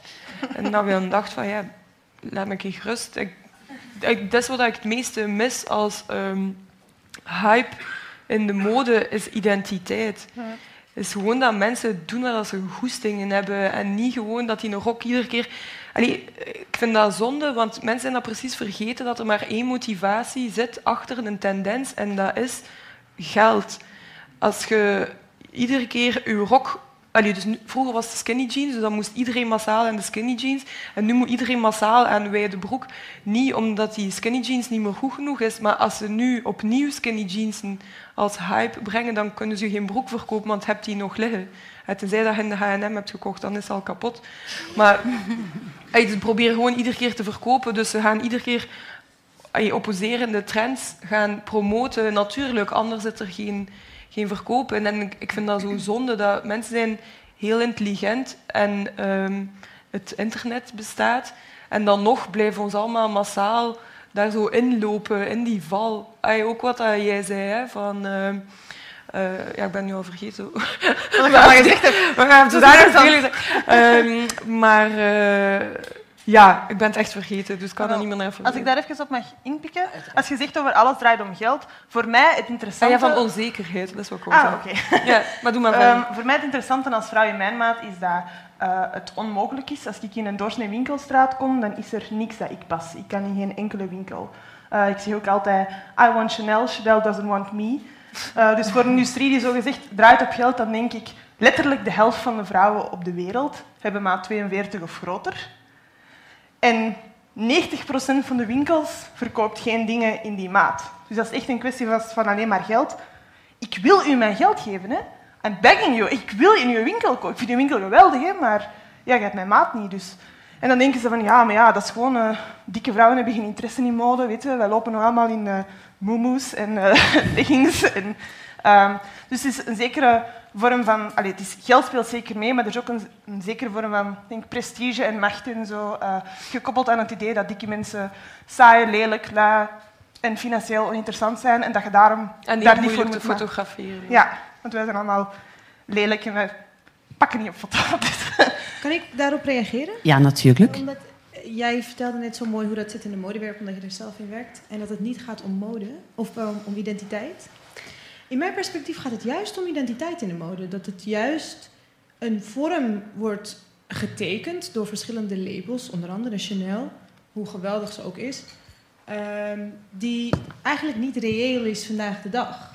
En omdat die identiteit zo wordt gevoed, dus onder andere door reclame en door al het commerciële en online, dat iedereen er zo achterna gaat om juist daarin te passen, want that is it, right? That's how I should be. En als we identiteit daaraan koppelen, ons lichaam is toch wie we zijn. Dus dan gaat het toch juist om identiteit. Ja, maar iedereen is er wel ontzettend bang van. Omdat als jij nu precies uiting gaat geven aan wie dat jij precies bent als uniek mens, dan zit daar heel veel foutmarge op. En dat willen de meeste mensen niet nemen. Of dat risico om verstoten te worden van groep X of groep Y, dat, dat durven, het is dat wat ik bedoel. Dus wat ik zei, zoals jij... Het zijn veel stigma's waar we mee te Ja, is dat, ze, ze proberen nu een idee te verkopen van ja, jij gaat gelukkig zijn als jij die handtas van Chanel hebt. Tuurlijk ga je niet gelukkig zijn, want dan heb je gewoon een grotere handtas om meer van je verdriet in te steken. Maar, dus, ja, dus ik vind dat vreselijk, is dat je... Dus daarom dat ik daar juist eh, zo grandioos was vergeten wat ik wou, wou zeggen. Uh, maar dus die onzekerheid die ze ons aanmeten over alles. Hè, je bent te dik, te groot, te klein, te whatever. Ja, maar als je deze koopt, dan kun je Ja, en dan. Ja. hebben wij de oplossing. Dus au fond zijn wij helemaal niet onzeker. We worden eerst die onzekerheid aangesmeerd en dan de remedie. Maar die remedie is nooit groot genoeg om die onzekerheid terug op te heffen. Wat dat ons natuurlijk dan ertoe brengt om seizoen na seizoen na seizoen te blijven dwangmatig die lange rok, korte rok, eh, brede broek, smalle broek te dragen. En ik zou heel graag hebben dat mode draait om identiteit. Maar ik denk dat vandaag de dag mode precies net geen identiteit tolereert. Omdat die er gewoon overal wordt afgeknipt. Als je ziet de grote huizen die zich dan inspireren op underground culturen en die, die eigenlijk zo ja, alle hoeken ervan snijden om iets fotografeerbaar en verkoopbaar van te maken. Ik vind dat heel triest. Eigenlijk zo de, de atypische modellen die dan zo de, de, de odd, zo de, de faces of zo worden en dan niet zo echt de gewone klassieke modellen. Dat die dan nu zo eh, eh, grote huizen als eh, Saint Laurent moeten weer zo st- allee, zo wat street credibility geven. Ik vind dat een beetje sneu, omdat dat de omgekeerde wereld is. Hè. Ze proberen een heel echte cultuur, waar daar heel veel identiteit in zit, dus die ondergrondse cultuur, te leegroven naar een heel mainstream merk. En die dan terug credibiliteit te geven naar terug die onderbuik van de samenleving. En ik vind dat zo'n valse, gemanipuleerde structuur, waar daar heel veel mensen ongelukkig van worden. Want ze proberen juist identiteit te stelen om verkoopbaar te kunnen maken, terwijl dat dan het is in eerste instantie wat dat we hebben afgegeven. Mag ik daaruit besluiten dat het uitholt? Ik moet nu denken, eh, ik lees ook wel eens een modeblad. En ik zag eh, dat eh, voor de, deze zomer op de catwalk liepen er modellen rond met t-shirts van Everyone should be a feminist. En ik kijk daar dan heel dubbel naar, want enerzijds zou je dan denken, oh geweldig, iedereen is feminist, top, dat willen we toch? Ja. Maar tegelijkertijd denk je, ja, Ja, er is ook een... Sorry. ja nee, zeg maar. Er is een soort commercialisering van feminisme aan de gang. Ja. En langs de ene kant... Ik zie er ergens wel het positieve van in, want hoe meer mainstream dat wordt en hoe meer mensen zich van bewust gaan worden, hoe beter uiteindelijk. Maar voor heel veel... Ik heb de indruk dat heel veel bedrijven het doen om snel wat publiciteit te winnen. En ehm, voor, me, allee, voor mezelf, als ik dan weer vanuit het kader van body positivity kijk, H&M had laatst zo'n filmpje waarin ze Ja. allerlei soorten vrouwen tonen. Het openingsshot was letterlijk een plus-size model. Ze hebben twee plus-size modellen gebruikt. Ehm, nu moet je weten dat de plus-size collectie van H&M ongeveer een twintigste zo groot is als de gewone collectie. Dat de grootste H&M-winkel ter wereld zijn plus-size sectie gesloten heeft omdat er zogezegd geen plaats meer was. Dat alle designercollecties nooit met plus-size zijn. Dat in de winkel alleen maar jeansbroek en dingen, ehm, topjes hangen. En dat ze eigenlijk op geen enkele manier respect tonen voor hun plus-size consument. Maar hey, laten we het shot openen met een dikke volle kont van een plus-size model, want dat is waar de mensen op gaan klikken en dat irriteert mij. Dat is hypocriet. Ja, dat is Ik wat heb, ik eh, bedoel met dat stelen van die ondergrondse cultuur en die credibiliteit en die identiteit voor pure commerce. Dus ze maken er echt zo'n stokpaardje van. Zara heeft ook zo'n eh, genderneutrale collectie gemaakt, zo gezegd. En dat was dan gewoon een witte t-shirt en een jeansbroek en een jongen en een meisje erin. En dan denk je van... eh, op welke manier is dit nu revolutionair? Dus om te even wat dat ze kunnen spannen voor die commerciële kar is vandaag de dag goed genoeg. Ja. Ik zie hetzelfde gebeuren met zo hè, cultural appropriation. Ja. Een moeilijk woord, maar het is te blij ik het juist heb kunnen zeggen. maar, ja, dank je. Applausje voor mezelf. Eh, ja, Maar ehm, waarmee ik bedoel, de discussie van ehm, eh, dingen, eh, etnisch, eh, etnische elementen te pakken. Bijvoorbeeld, je ziet al opeens meisjes, blanke meisjes met cornrows of met, eh, met Afrikaanse kleding. Ehm, ik heb er veel over nagedacht, omdat mensen mij die vraag soms stellen van, stoort jou dat en, en, en wat denk je daarover? En ehm, in wezen stoort mij dat eigenlijk niet. Ik vind het niet... eh, Ik, ik, ik doe zelf ook een beetje zo. Hè. Ik, ik pik ook wat ik mooi vind van verschillende hoeken. Wat mij wel stoort, is iemand die, eh, die dat doet, maar de struggle niet meepakt. Ik heb zoiets aan, draagt jij maar cornrows. Maar als ik eh, op straat ga staan omdat ik racistisch word bejegend en dat wil veranderen, dan wil ik dat je naast mij komt staan met je cornrows. Dan wil ik niet dat je alleen maar pick and choose wat jij leuk vindt aan, eh, eh, aan zwart zijn en aan, aan blackness en aan black culture. Ehm, maar dan niet mee die strijd willen voeren. Wel gewoon racistisch willen zijn of, of, of, of niks willen doen en niet je stem verheffen. Ik denk dat dat een beetje te vergelijken is met die t-shirts van eh, Everyone is a Feminist. Als je dat op je t-shirt zet, great, maar be a feminist dan. Dan Ja. wil ik je ook horen als het gaat over vrouwen-issues. En dat is een beetje het probleem, dat de mode die, eh, die elementen pakt, maar dan niet verwacht dat je daar voor de rest nog iets mee doet. Dat is zo de, de, ja, het stuk dat mij stoort. Ik denk, ja, ik denk dat we. Het is heel goed om de mode hierbij te betrekken. Maar ik denk dat. Het lijkt. Het doet me een beetje denken aan een tijger verwijten dat hij opvreet. Because that's what a tiger does, right? Mode is gericht op commerciële stukken. Mode is gericht op selling stuff, because that's what they make them. That's why they make collections, right? En waarom ik toch wil terugkomen op dat identiteitsstuk. En ehm dat vind ik grappig dat je H&M hebt aangekaart. Want vorig jaar in hetzelfde jaar, eh, in het najaar, voorjaar volgens mij, was, eh, lanceerde H&M een collectie met een moslima op de voorcover. En daar hebben ze heel veel kritiek over gehad, maar ontzettend veel loof. En ik denk dat dat eigenlijk heel normaal is, wat ze doen. Het is eigenlijk een soort van bewustzijn creëren, wat ze doen. En ehm, het is ook niet zo... Het is ik denk ik ook wel de- hoe je het trekt. Of hoe je het interpreteert. Right? Ja, dit- ik onderbreek u weer, hè? dat dat is een super slechte gewoonte.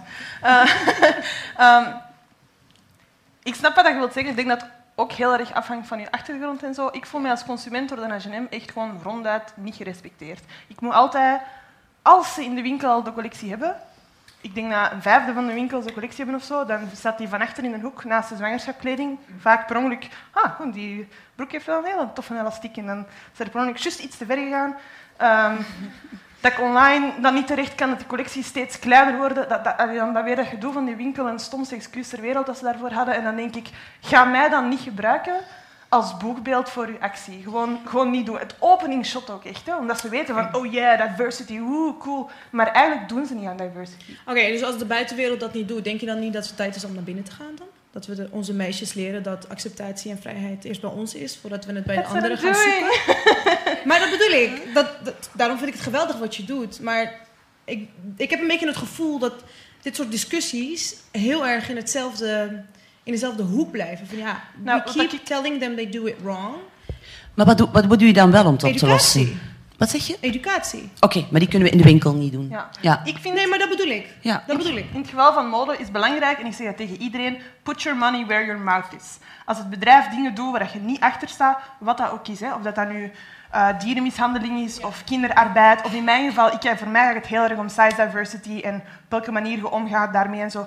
Als een bedrijf iets doet dat je niet aanstaat, koop daar niet. Op het moment dat jij dat geld geeft, zegt dat bedrijf, hé, hey, we zijn supergoed bezig, meer van dit, want de mensen betalen ons. Dus als je het er niet mee eens bent, koop daar dan niet. Punt. En je gaat heel snel zien hoe dat de wereld gaat beginnen veranderen als mensen dingen beginnen steunen waar dat ze echt niet geloven, in plaats van zomaar iedereen achterna te lopen en alles maar te kopen zonder na te denken wat erachter Dus zit. het zit hem in het bewustzijn.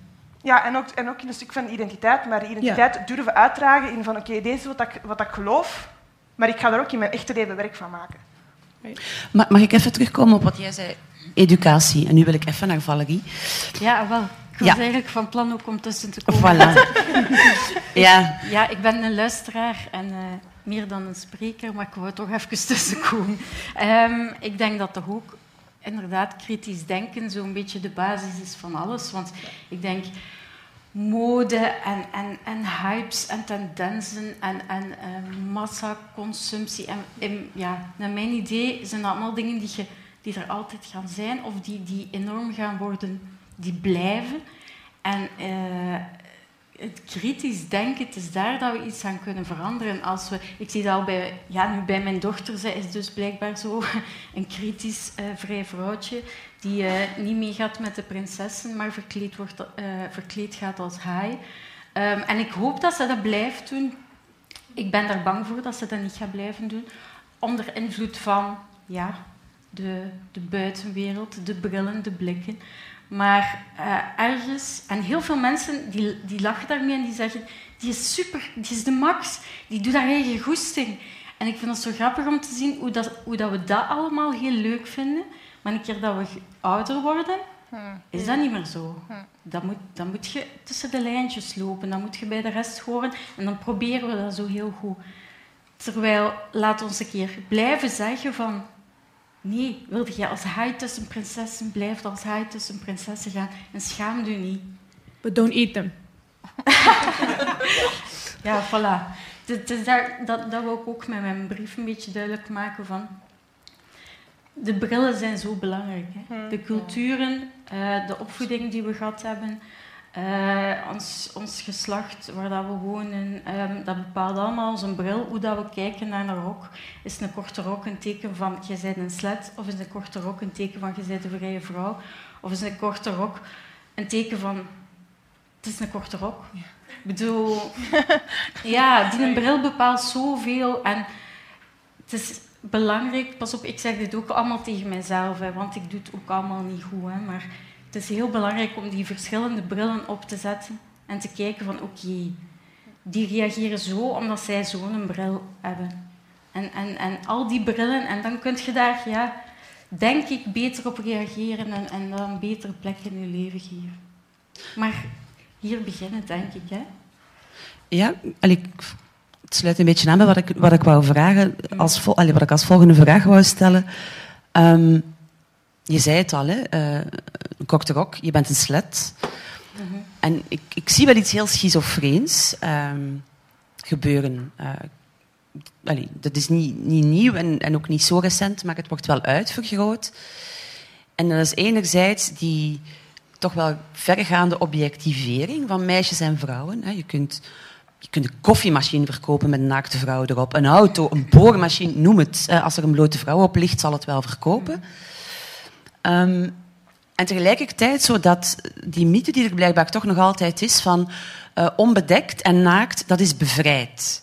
En, vooral, hoe bedekter, hoe minder bevrijd je dan zogenaamd bent. Mm. want als je als vrouw een hoofddoek draagt of je gaat bedekt in, in, bedekte strandkledij het strand op, dan ben je dus niet bevrijd en dan moet je bevrijd worden. Mm.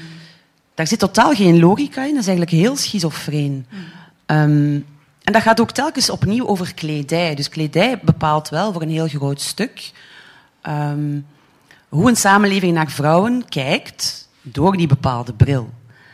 als jij in een minirok op straat loopt, misschien ben jij nu al, misschien mag dat maar tot je 25ste van de flair, maar goed, ik weet niet wat een leeftijd. Ik zit er al zwaar over. Ik zit er al heel lang over.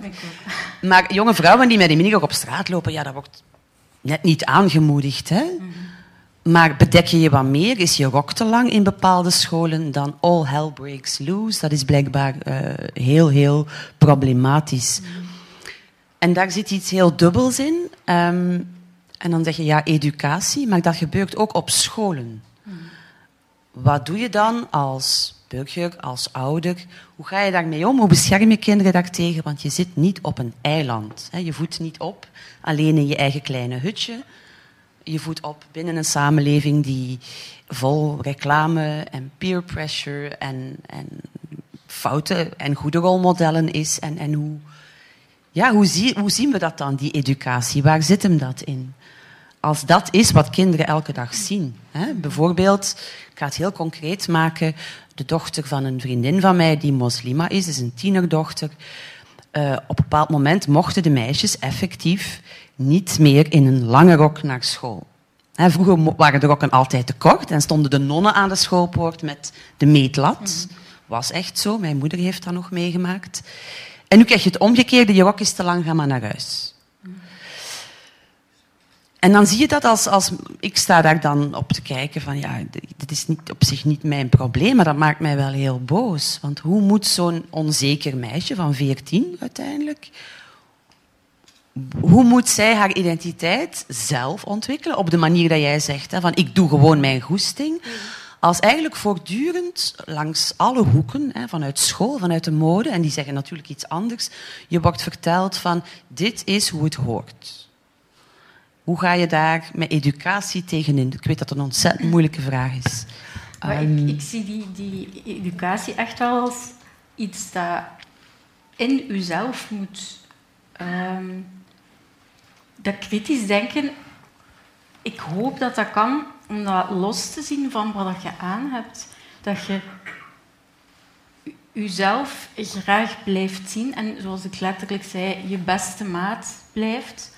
Ook al moeten bijvoorbeeld door omstandigheden, ik kan begrijpen in bepaalde culturen, gaat je een tempel binnen, wordt het niet toegelaten om blote, blote armen te hebben.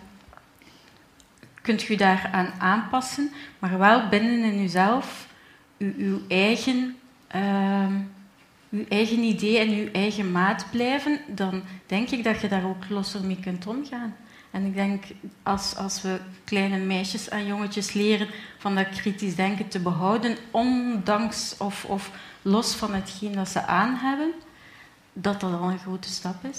Als ik mij zo duidelijk maak. Ja, ik snap wat je bedoelt. Ik vraag mij alleen af of het mogelijk is. Ja. Hè? Of je, ja, Mhm. maar jij wou daar iets op zeggen, Dalila. Eh, niet per se daarop, want ik ben het helemaal eens met wat je zegt. Eh, ik heb zelf kinderen, ehm, een zoon en een dochter en een dochter onderweg.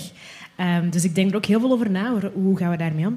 Eh, maar ik wil eigenlijk op, op het begin van je vraag eh, terugkomen. Van, ja, omdat het, het is een islamofobie, hè, want daar gaat het eigenlijk een beetje over, is iets wat, dat- wat dicht tegen eh, racisme aanleunt. Dus ik krijg daar ook wel vragen over. En ik heb daar ook wel... ehm, ja, ik vind dat zelf vaak heel moeilijke discussies. Ehm, maar één ding dat mij eh, opvalt, is dat volwassenen, dus ergens doorheen de weg van eh, tiener naar eh, half twintiger, verleren wij ehm, hoe dat je met elkaar in dialoog gaat. En ik vind dat, ik vind dat iets heel absurd om te zien, maar ehm, tieners in het algemeen, die vragen dat gewoon aan elkaar. Waarom draag je die hoofddoek? Ehm, en die stellen alle moeilijke vragen aan elkaar en achteraf denken die, oké, klaar, volgend thema. En dat is eigenlijk geen issue. En ik heb zelf lang in de jeugdsector gewerkt en vorming gegeven aan, eh, aan jongeren. En dan ehm, ging ik het hebben over wat ik dacht een heel moeilijk thema was, zoals de hoofddoek. Dat is bij die gasten niet. Die lachen mij bijna uit, omdat ik daar zo'n big deal van maak. Omdat volwassenen daar eh, allerlei eh, dingen aanhangen. Ehm, dus ik heb zelf echt grappige gesprekken met vrienden van mij, die dat ik al heel lang ken, en die, die eh, tegen eh, hoofddoeken fulmineren, terwijl dat ik daar recht tegenover zit met mijn haar helemaal bedekt. En dan vraag, maar wat is nu het verschil tussen Fatima met haar hoofddoek en ik? En dan zeggen ze, ja, maar uw hoofddoek betekent niet dat jij gelovig bent of onderdrukt. En ik, hoe weet jij dat? Voor hetzelfde geld zegt mijn man elke morgen tegen mij, zet je hoofddoek maar op, want ik wil niet dat jij je haar toont. Jij weet dat niet. Als je mij op straat ziet lopen, weet jij niet voor welke reden dat ik mij kleed zoals ik mij kleed.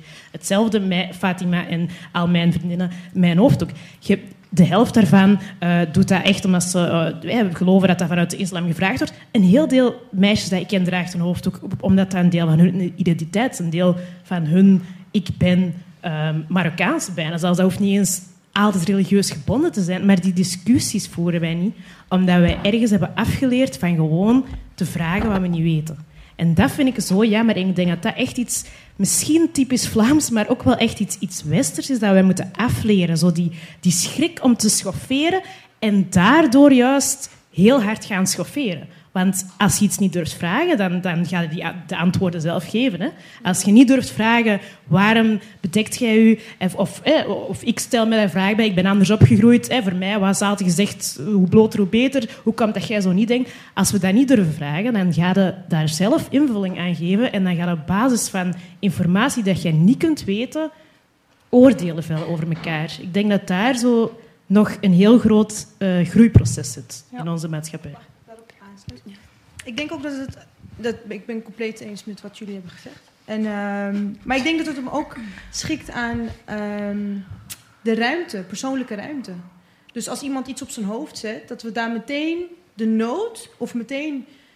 Of we leren onszelf dat we, dat we dat moeten vragen. We moeten daar vragen stellen, omdat wij dat zelf ooit nooit zouden doen. Terwijl als een vrouw haar minirokje aandoet maar, of, en een andere vrouw haar hoofddoek, they are doing what they want. En dat is toch precies hetzelfde? Ik zou ook graag even willen reageren daarop. Kan dat? Tuurlijk. ik heb juist het idee dat er heel veel politieke strijd wordt uitgevochten over het lichaam van de vrouw. Ja. En dat het daardoor nooit goed is. Maar daar gaat het om. En we zijn, in, we zijn ontzettend gefocust op het lichaam, op het uiterlijk. eh, steeds meer op het uiterlijk van mannen, maar nog steeds veel meer op dat van vrouwen. En het is eigenlijk nooit goed. En dat is super irritant. Eh, ik heb veel eh, voor de klas gestaan eh, aan de Universiteit van Amsterdam, werkgroepen gegeven aan sociologiestudenten, notabene. En op de onderwijsevaluaties die ik altijd kreeg aan het einde van een cursus, die werden anoniem ingevuld, kreeg ik stevast opmerkingen over mijn uiterlijk. Negatief, maar ook positief. En ook met die positieve opmerkingen was ik niet blij. Want mijn lichaam is er. En je staat daar om een bepaalde inhoud over te brengen, om een bepaalde boodschap over te brengen, hè, die kennisoverdracht. En mijn mannelijke collega's hadden daar geen last van. Die kregen niet dat soort commentaren over de kleur van hun trui of het decolleté van hun t-shirt of de lengte van hun mouwen. Dat stond allemaal niet op die evaluaties ingevuld. En bij mij stond dat lichaam als docent, voor mijn gevoel, altijd tussen eh, mij en mijn studenten in. Tussen die kennisoverdracht in. Bloedirritant. Op een gegeven moment hoop je, eh, op een gegeven moment denk je, was mijn lichaam er maar niet. En dat is volgens mij het probleem van de vrouw eh, in bepaalde functies. Maar ik denk van de vrouw eh, in, het, in de samenleving meer algemeen. De politieke strijd wordt altijd geprojecteerd op dat lichaam. En dat is, nou dat is een wrang lot. Daar moet verandering in komen. Maar is dat altijd zo geweest of, of is het nieuw? Volgens mij is het niet nieuw. Is het erger dan pakweg 20 jaar geleden? Nee, volgens mij is het iets wat altijd gebeurt. Ik denk wat je nu wel hebt, is, staat dat ding? Ja. is heel dat online aspect. hè. Dus ehm, vroeger ehm, stond, allee, deed je iets en dan hadden misschien twintig mensen dat gezien en twintig mensen hadden commentaar. Eh, ik had vorig jaar, ik heb een blog trouwens. Ehm, vorig jaar ging, ehm, had ik een blog geschreven omdat ehm, twee gasten me hadden uitgelachen in de fitness dat ik te dik was voor een legging te dragen, een sportlegging. Ehm, en dat was op een manier viral gegaan, dus ineens stond dat in het nieuwsblad en dat was van Antwerpen en dingen. En duizenden mensen hadden daar een mening over en dat stonden de meest disgusting dingen in dat je denkt van, deze zou jij nooit op die manier tegen mijn gezicht zeggen, weet je. Dus er is een zekere anonimiteit en een bescherming die zo'n computerscherm eh, en het internet u biedt, dat je vroeger niet had en dat er nu wel is. Ik, allee, ik wil even terugspringen naar jouw experiment met het lichaamshaar, Muriel. Ehm, wij zaten, ik zat onlangs met, de, met een aantal vrienden. We hadden een etentje en een van mijn vrienden vertelt dat hij met zijn tienerzoon naar eh, Turks fruit zat te kijken. Prachtig. Ja, hè, Sylvia Christel. En die zoon is 16. En plots roept hij echt vol afschuw uit van... Eer, die heeft haar haar. En hij zei, ja, ik ben, ik ben een man van in de 40 en ik had er nooit bij stilgestaan dat mijn zoon van 16 geen idee had dat vrouwen daar haar hebben. Want wij zijn wel opgegroeid met het idee dat dat heel normaal is. Ehm, en we hadden het dan over. En volgens iedereen van die generatie is er wel degelijk een verschil. Ehm, ja, ik ben zelf ook opgegroeid in de jaren 70, 80. Hè, dat is toch al eventjes geleden. Ehm, en ik heb wel de indruk dat het ehm, lijnrecht tegenover elkaar zetten van ehm, mannen en vrouwen, mannelijkheid, vrouwelijkheid, ehm, dat het verscherpt is. Waar je, waar je daar heel erg terug ziet, is in speelgoed. Ik herinner mij echt geen speelgoedwinkels met een roze kant en een blauwe kant. Ik heb dat nooit gekend. Wij hadden ook geen roze speelgoed of nauwelijks. Lego was gewoon Lego. Ehm er was geen roze Lego. Dat bestond gewoon niet. En ik denk dat je dat in, in als dat in speelgoed zo is, ehm, dat je dat in alle andere aspecten van de samenleving ook terugziet. Dat het, de verschillen terug meer worden benadrukt. terwijl je zou denken, we zijn intussen... Hoe, bedoel, hoe lang duurt de feministische strijd nu al? Ik durf het bijna niet berekenen. En ergens heb ik de indruk dat we regressief bezig zijn. Dat we Hmm. teruggaan in de tijd. Misschien is het een indruk. Enfin, het is een vraag die ik hier leg. Er is niet, misschien geen antwoord Ja, op. ik, vrees, maar... ik vrees dat het geen indruk is. Eh, ik merk dat alle dagen bij ons ja, in de paskamers. Ik heb, ehm, als jullie ooit van plan zouden zijn om bij mij naar de winkel te komen, eh, ik geef u een waarschuwing. Ik heb ehm, één groot gordijn eh, in de paskamer, maar voor de rest kan iedereen onderling elkaar zien.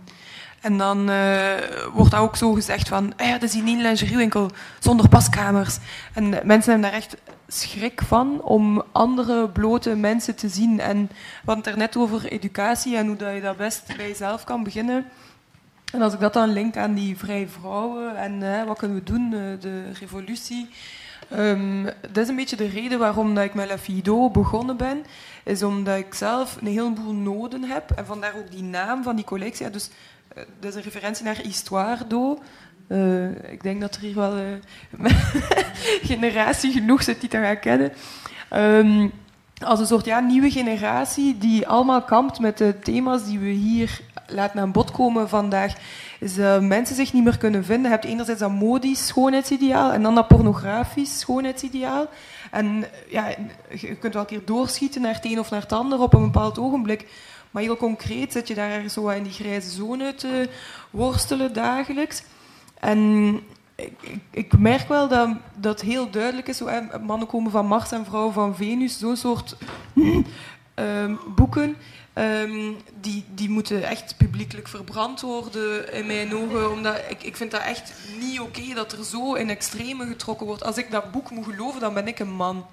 En als ik, d- eh, dat- dat- ik vind dat niet oké dat er zo in extreme getrokken wordt. En net zoals met, met zoiets eenvoudigs en natuurlijk als lichaamsbeharing, vind ik dat heel opvallend dat, dat daar zo ja, stigmatiserend over gedaan wordt.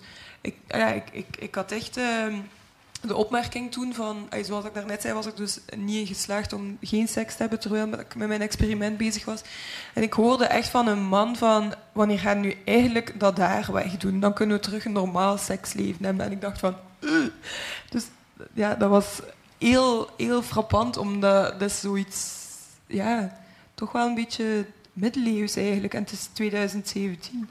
En ik vind dat dan verbazingwekkend dat dat nog nodig is, zoiets. En ik ben een optimist, dus ik geloof dat er wel verbetering is.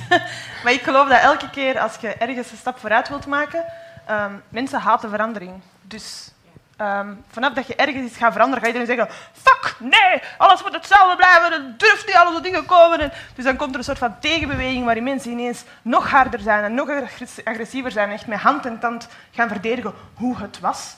Ehm, en ik wil geloven dat die golf van agressie en hardheid die we momenteel voelen, die inderdaad voelt alsof we een hele grote stap terug hebben gedaan, dat dat het resultaat is omdat we wel in het algemeen als maatschappij aan het proberen zijn van een stap vooruit te zetten. Maar ik ben misschien naïef, maar dat wil ik geloven. Ja, we zijn eigenlijk beland bij... eh, het is eigenlijk heel politiek, hè, waar we het nu over hebben. Was trouwens de slogan... is politics. Hè? Dus, Ja, maar de slogan van de, van de Tweede Golf was ook het persoonlijke is politiek. Hè. Dat betekent dat alles wat je in je eigen leven eh, meemaakt, dat dat eigenlijk politiek is. Hè. Dus het betekent, als jij als vrouw, ehm, omdat je niet in een bepaalde maat past, eh ex buitgekeken wordt of eh, niet netjes behandeld wordt, dan is dat eigenlijk Het politiek. is niet alleen dat, hè. dikke vrouwen verdienen minder, worden slechter behandeld in ziekenhuizen, worden sneller gezien als... eh, Verdienen minder? Verdienen minder voor dezelfde functie. Werknemers, als die ook foto's... Ze hebben daar studies naar gedaan. Hè. Dus iemand krijgt een foto te zien en het zijn 100 mensen. En dan nog eens diezelfde 100 mensen, dezelfde foto, maar gemanipuleerd zodat die dikker zijn. En dus de dikke mensen werden beoordeeld als lui, minder intelligent, onbekwaam. Het is wat zij ook voor een stukje heeft aangehaald, ehm, dat mensen vinden u leuker. Er zijn zoveel assumpties en dat gaat echt wel verder dan oh, mensen vinden mij niet mooi, boehoehoe. Dat heeft echt een reële impact op mijn leven, hoe dat mensen kijken naar dikke mensen. Dat gaat verder dan... Allee, oh, ik mag geen kleedje aan doen. Dat gaat echt over... Mensen vinden mij incompetent en onhygiënisch en lui en... Ja, Mag ik daar iets over vragen? Ja. Is die, ging die studie alleen over eh dikkere vrouwen of ook mannen? het ging over allebei, maar eh, het is wel sterker in vrouwen. Oké, dat dacht ik al. Ja, ja want eh, dik zijn voor een man is toch nog redelijk sociaal aanvaard, zeg maar. Voor een vrouw, ja, totaal niet. Het is zelfs nog een soort van double pen penalty voor vrouwen. Want veel sollicitatiecommissies die bestaan uit vrouwen. Het HR-personeel bestaat vaak uit vrouwen. Eh, en eh, vrouwelijke sollicitanten die worden en afgerekend op eh, lelijkheid, of wat daar ook onder valt. Maar ook te mooie vrouwen komen niet door de sollicitatieproef heen. want die worden gezien als een bedreiging. Dus je ziet ook dat schoonheid niet altijd in het voordeel werkt van de vrouw. Maar ze wordt er wel heel hard op beoordeeld. Jongen. Maar Sorry. Het is, het complex en het is eigenlijk nooit goed genoeg. Je mocht niet te lelijk zijn, niet te schoon zijn. Eh, je mocht geen slit zijn, maar je moet wel goed zijn in seks. Je moet super laid back zijn, eh, maar tegelijkertijd wel super vrijgevochten en altijd over al zijn mening hebben. En wat dat je eigenlijk ook doet, is eigenlijk nooit goed genoeg. Er is altijd wel iemand die dat iets te klagen heeft. Dus als we nu eens al die meningen gewoon collectief naast ons neerleggen en zeggen fuck you, dit is wat ik ben, dit is wat ik wil doen, en jullie mening, dat interesseert me echt helemaal niet, dan zou de maatschappij er echt al een heel stuk op vooruit kunnen gaan. Maar daar hoeven we toch geen fuck you voor te zeggen, maar gewoon met elkaar in dialoog gaan. Knuffels. Ik, knuffels ah, wel, Ja. ik vind dat Make super love, tof. not war. Ja, ik vind dat super tof dat jullie zo super.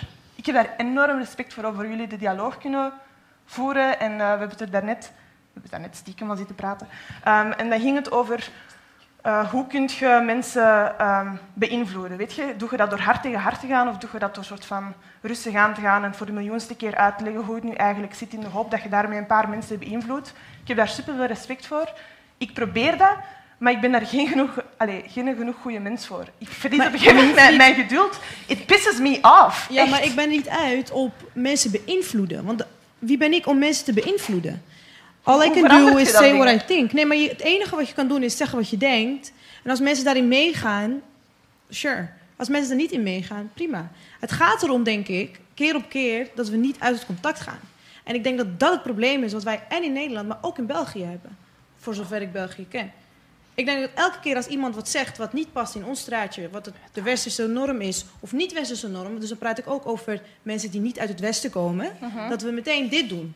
Terwijl als we dit doen, gaan we vijf stappen achteruit. En zes, en zeven, en acht. En of het nou over vrouwen gaat, of over mannen die vrouwen afschermen, of over vrouwen die elkaar afschermen, want dat is pijnlijker, hè? You won't get any far, denk ik. Dat, is- dat lijkt me waar. Maar ehm, ik vind zelf dat dat heel veel training en geduld en, en eh, geduld en nog wat geduld vergt. Ja, Want ik, ik probeer altijd dit te doen en te gaan zitten en zeggen: Ik ben Della, wie ben jij? We gaan praten. En soms zeggen mensen: Nou, ik ben die persoon en laat ons praten. Heel vaak zeggen mensen: Fuck you, ga weg, ik wil niet met jou praten. En dan, dan elke keer opnieuw te blijven zeggen: Jawel, ik ben Della, we gaan zitten, we gaan babbelen. Dat is. dat we beiden in contact. Ja, dat is waar. Maar dat in contact blijven, ik wil maar zeggen, dat in contact blijven is niet gemakkelijk. Dat vergt heel veel moeite. Het hoeft ook niet makkelijk te zijn. Dat, het is niet dat het makkelijk moet zijn, want life is not easy at times. And that's okay. Ja, maar niet iedereen heeft Maar- evenveel volharding, natuurlijk. Ja, maar dat is waarom ik denk van... Weet je, je moet niet iemand in een bepaalde richting willen sturen. Of, kijk, dat kunnen we met kinderen, omdat dat kinderen zijn. En we hebben er een verantwoordelijkheid Mm. voor. En, maar zelfs met kinderen moet je ook denken van... Oké, je hebt een eigen wil. Want ook die zijn vrij. En die zijn volgens mij vrijer dan wij. Want wij zijn al heel erg gevormd.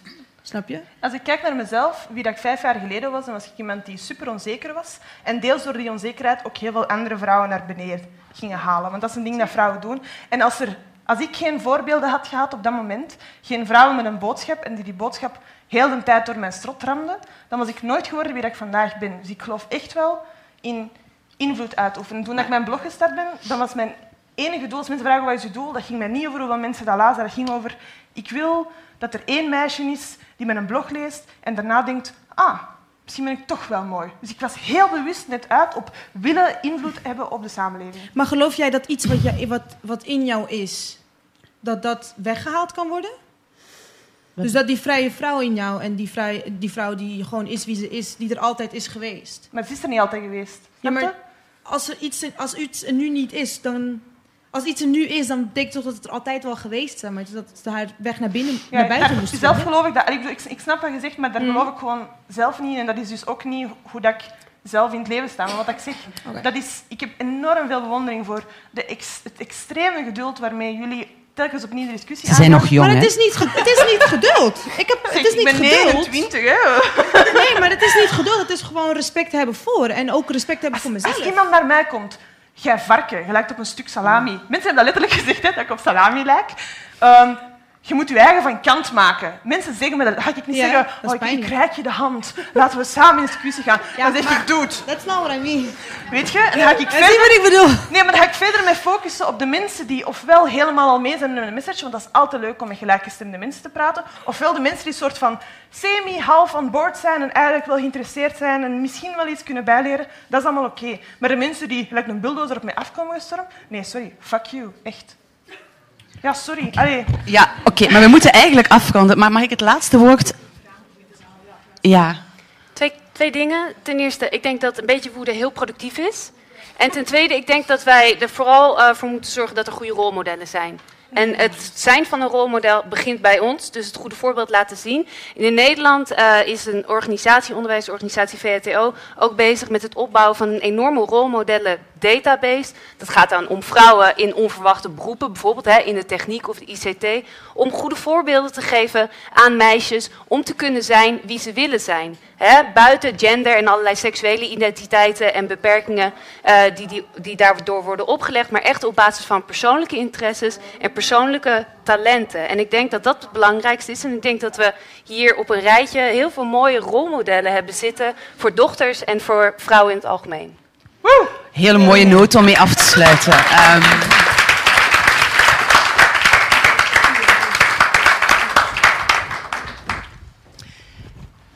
jullie hebben nog even de tijd om vragen te stellen of eh, twijfels te uiten. Ehm, we hebben niet heel veel tijd, dus als je een vraag hebt, is het wel fijn als je die een beetje beknopt houdt. En misschien ook als je hem specifiek aan iemand richt eh, die hier zit.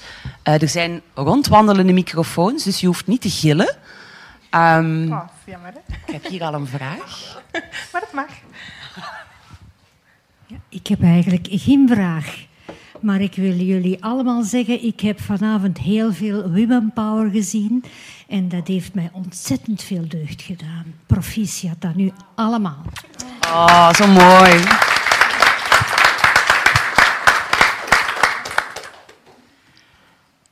Iemand met een echte vraag? Ja. Nee, dat was heel mooi. Een mooi compliment. Een compliment is geen vraag. Ik vind het alleen moeilijk tot wie zou ik mij moeten richten. Misschien tot... eh, eh, wacht, eh, Val, eh, is, is het Sylvia? Valerie? Holla, Sylvia Eh, Holla. Sylvia Holla. Ja, omdat je dat misschien in historisch perspectief ook wat kunt zien, ik weet het niet. Maar in mijn utopisch denken hebben wij ooit allemaal het recht om gewoon in ons blootje rond te lopen. In de toekomst of in het verleden? In de toekomst. En is, ja, ik veronderstel dat dat ooit in een heel verre verleden ooit ook zo geweest is. In het paradijs. Je, het is te zeggen, zoiets. Hè. Ik bedoel, eh, dat zal dan wel in de oertijd of zo geweest zijn, maar ik denk dat mensen zich zijn gaan kleden vooral tegen de kou. Maar dat er ooit hè, in warme streken, en ik denk dat dat nu voor een stuk hier en daar is, dat er nog eilandjes zijn waar dat dan nog kan misschien. Hè. Maar ja, in mijn utopisch denken is dat pas de ultieme vrijheid voor iedereen. Oké. Ja. Oké, dat is de vraag of dat mogelijk is. Nou, ik denk dat dat, dat is nu al mogelijk, maar dat is natuurlijk heel situationeel en setting-specifiek. Daar zijn bepaalde campings voor, bijvoorbeeld. Sorry. Ehm, maar ik ben, ik ben niet zo heel erg thuis in de evolutionaire biologie, moet ik eerlijk zeggen. Ehm, maar als ik, ja, ik ben cultuursocioloog. En cultuur is toch wel datgene wat ons mens maakt. En eh, kleding, eh, waaronder een minirok, maar ook meer eh, verhullende kleding, ja, dat zijn cultuurproducten. Hè? Dat, dat eh, maakt ons ook mens en eh, dat eh, legt ons allerlei beperkingen op. eh, maar blijft ook, wat mij betreft, een middel eh, voor zelfexpressie. Ik zie eh, kleding niet zo heel snel eh, verdwijnen, want het is, het is belangrijk voor mensen. En het is ook gewoon te koud, laten we eerlijk zijn. Nou, hier wel, ja. Daar achteraan. Simone. Je speelt vals. Jij was hier al. ergste is dat ik ook geen vraag heb, maar eigenlijk twee opmerkingen wilde plaatsen. Als Oh. het mag, als ik permissie heb van Bieke. Ehm, Het hangt van de opmerkingen af nou ja, natuurlijk. het eerste is namelijk dat ik een aantal keer eh, hebben we het over kinderen gehad. Ik zeg even we, want ik associeer me dan met jullie gewoon eventjes. Wij vrouwen. Nee, we hebben het vanavond over kinderen gehad. Ehm, en ook, eh, ik hoorde, ehm, even kijken, ik hoorde, nu ben ik je naam kwijt, aan het hoekje. Ja, hoorde ik zeggen van, eh, ja, ik denk dat kinderen het misschien zelfs beter weten. En toen zei Bieke zojuist, die zei van, eh, ehm, eh, toen jij hen complimenteerde met het feit dat ze zo geduldig waren, toen zei Bieke, ja, dat, ze zijn nog jong. En toen dacht ik aan van wat vaak gebeurt is dat de rebellie wordt toegeschreven aan de jeugd. En dat het ophoudt bij de jeugd. Dat zagen we ook een beetje in de brief die je aan je dochter schreef. Ik denk dat op het moment dat wij het over emancipatie hebben, dat we dus voortdurend eh, ja, intersectioneel moeten kijken. Dus niet alleen maar gaat het over mode, maar mode gaat ook inderdaad, zoals al gezegd is, over economie. Uh, maar ook als we het dus over vrouwenemancipatie hebben, dan kom je bijvoorbeeld ook bij een bepaalde idee van wat leeftijd is. He, dus dat het op een gegeven moment ophoudt, bijvoorbeeld rebellie. Daarmee maak Dat was helemaal niet wat ik bedoelde trouwens, maar nee, het gaat me ook niet over of jij dat denkt, maar het is wel een manier van denken over rebellie en dat het hoort bij de jeugd. En dan kleed je je zoals je wilt en dat eindigt dan. Um, dat is iets wat ik wilde toevoegen, um, omdat ik soms ja, het intersectionele daarin um, lastig vind. En dat maakt deze gesprekken ook zo lastig. Um, wat ik daar ook bij dacht, is dat het vaak toch een beetje ging over de bevrijding in jezelf.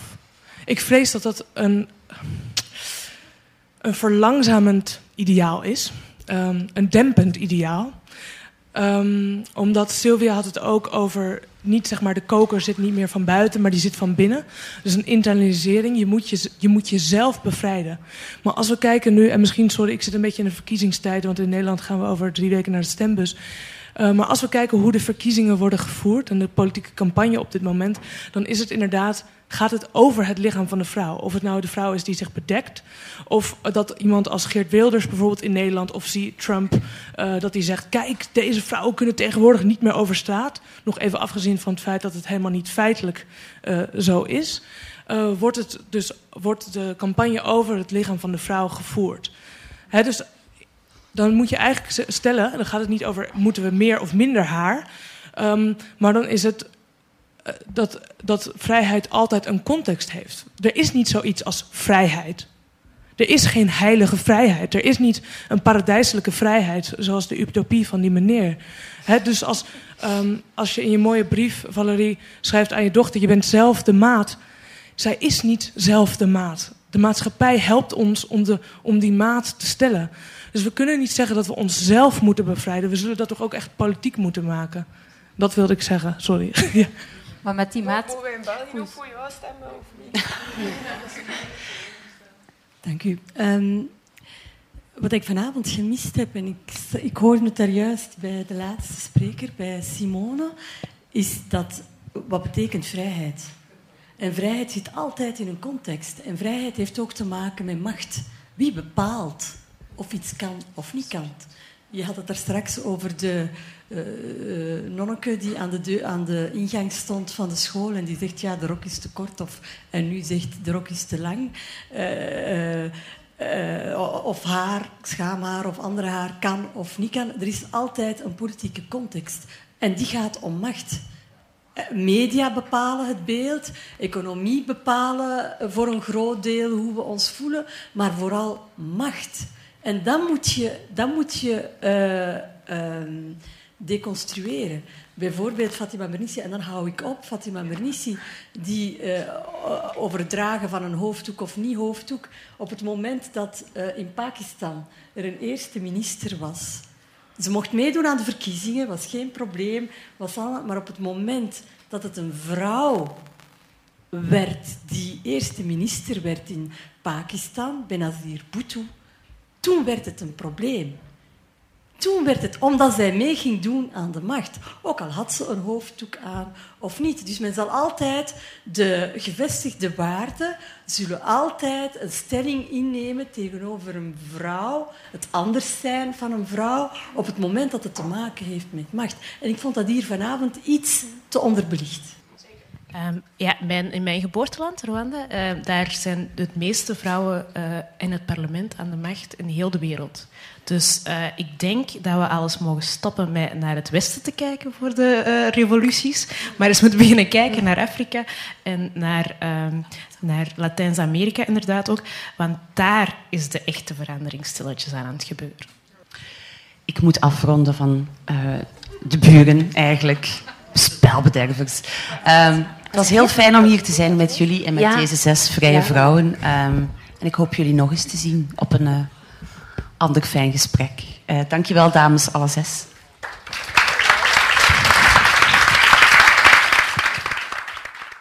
Je luisterde naar een podcast van De Buren, het Vlaams-Nederlands Huis voor Cultuur en Debat. Benieuwd naar ons literaire aanbod? Luister dan ook naar radioboeken, citybooks en andere audioverhalen.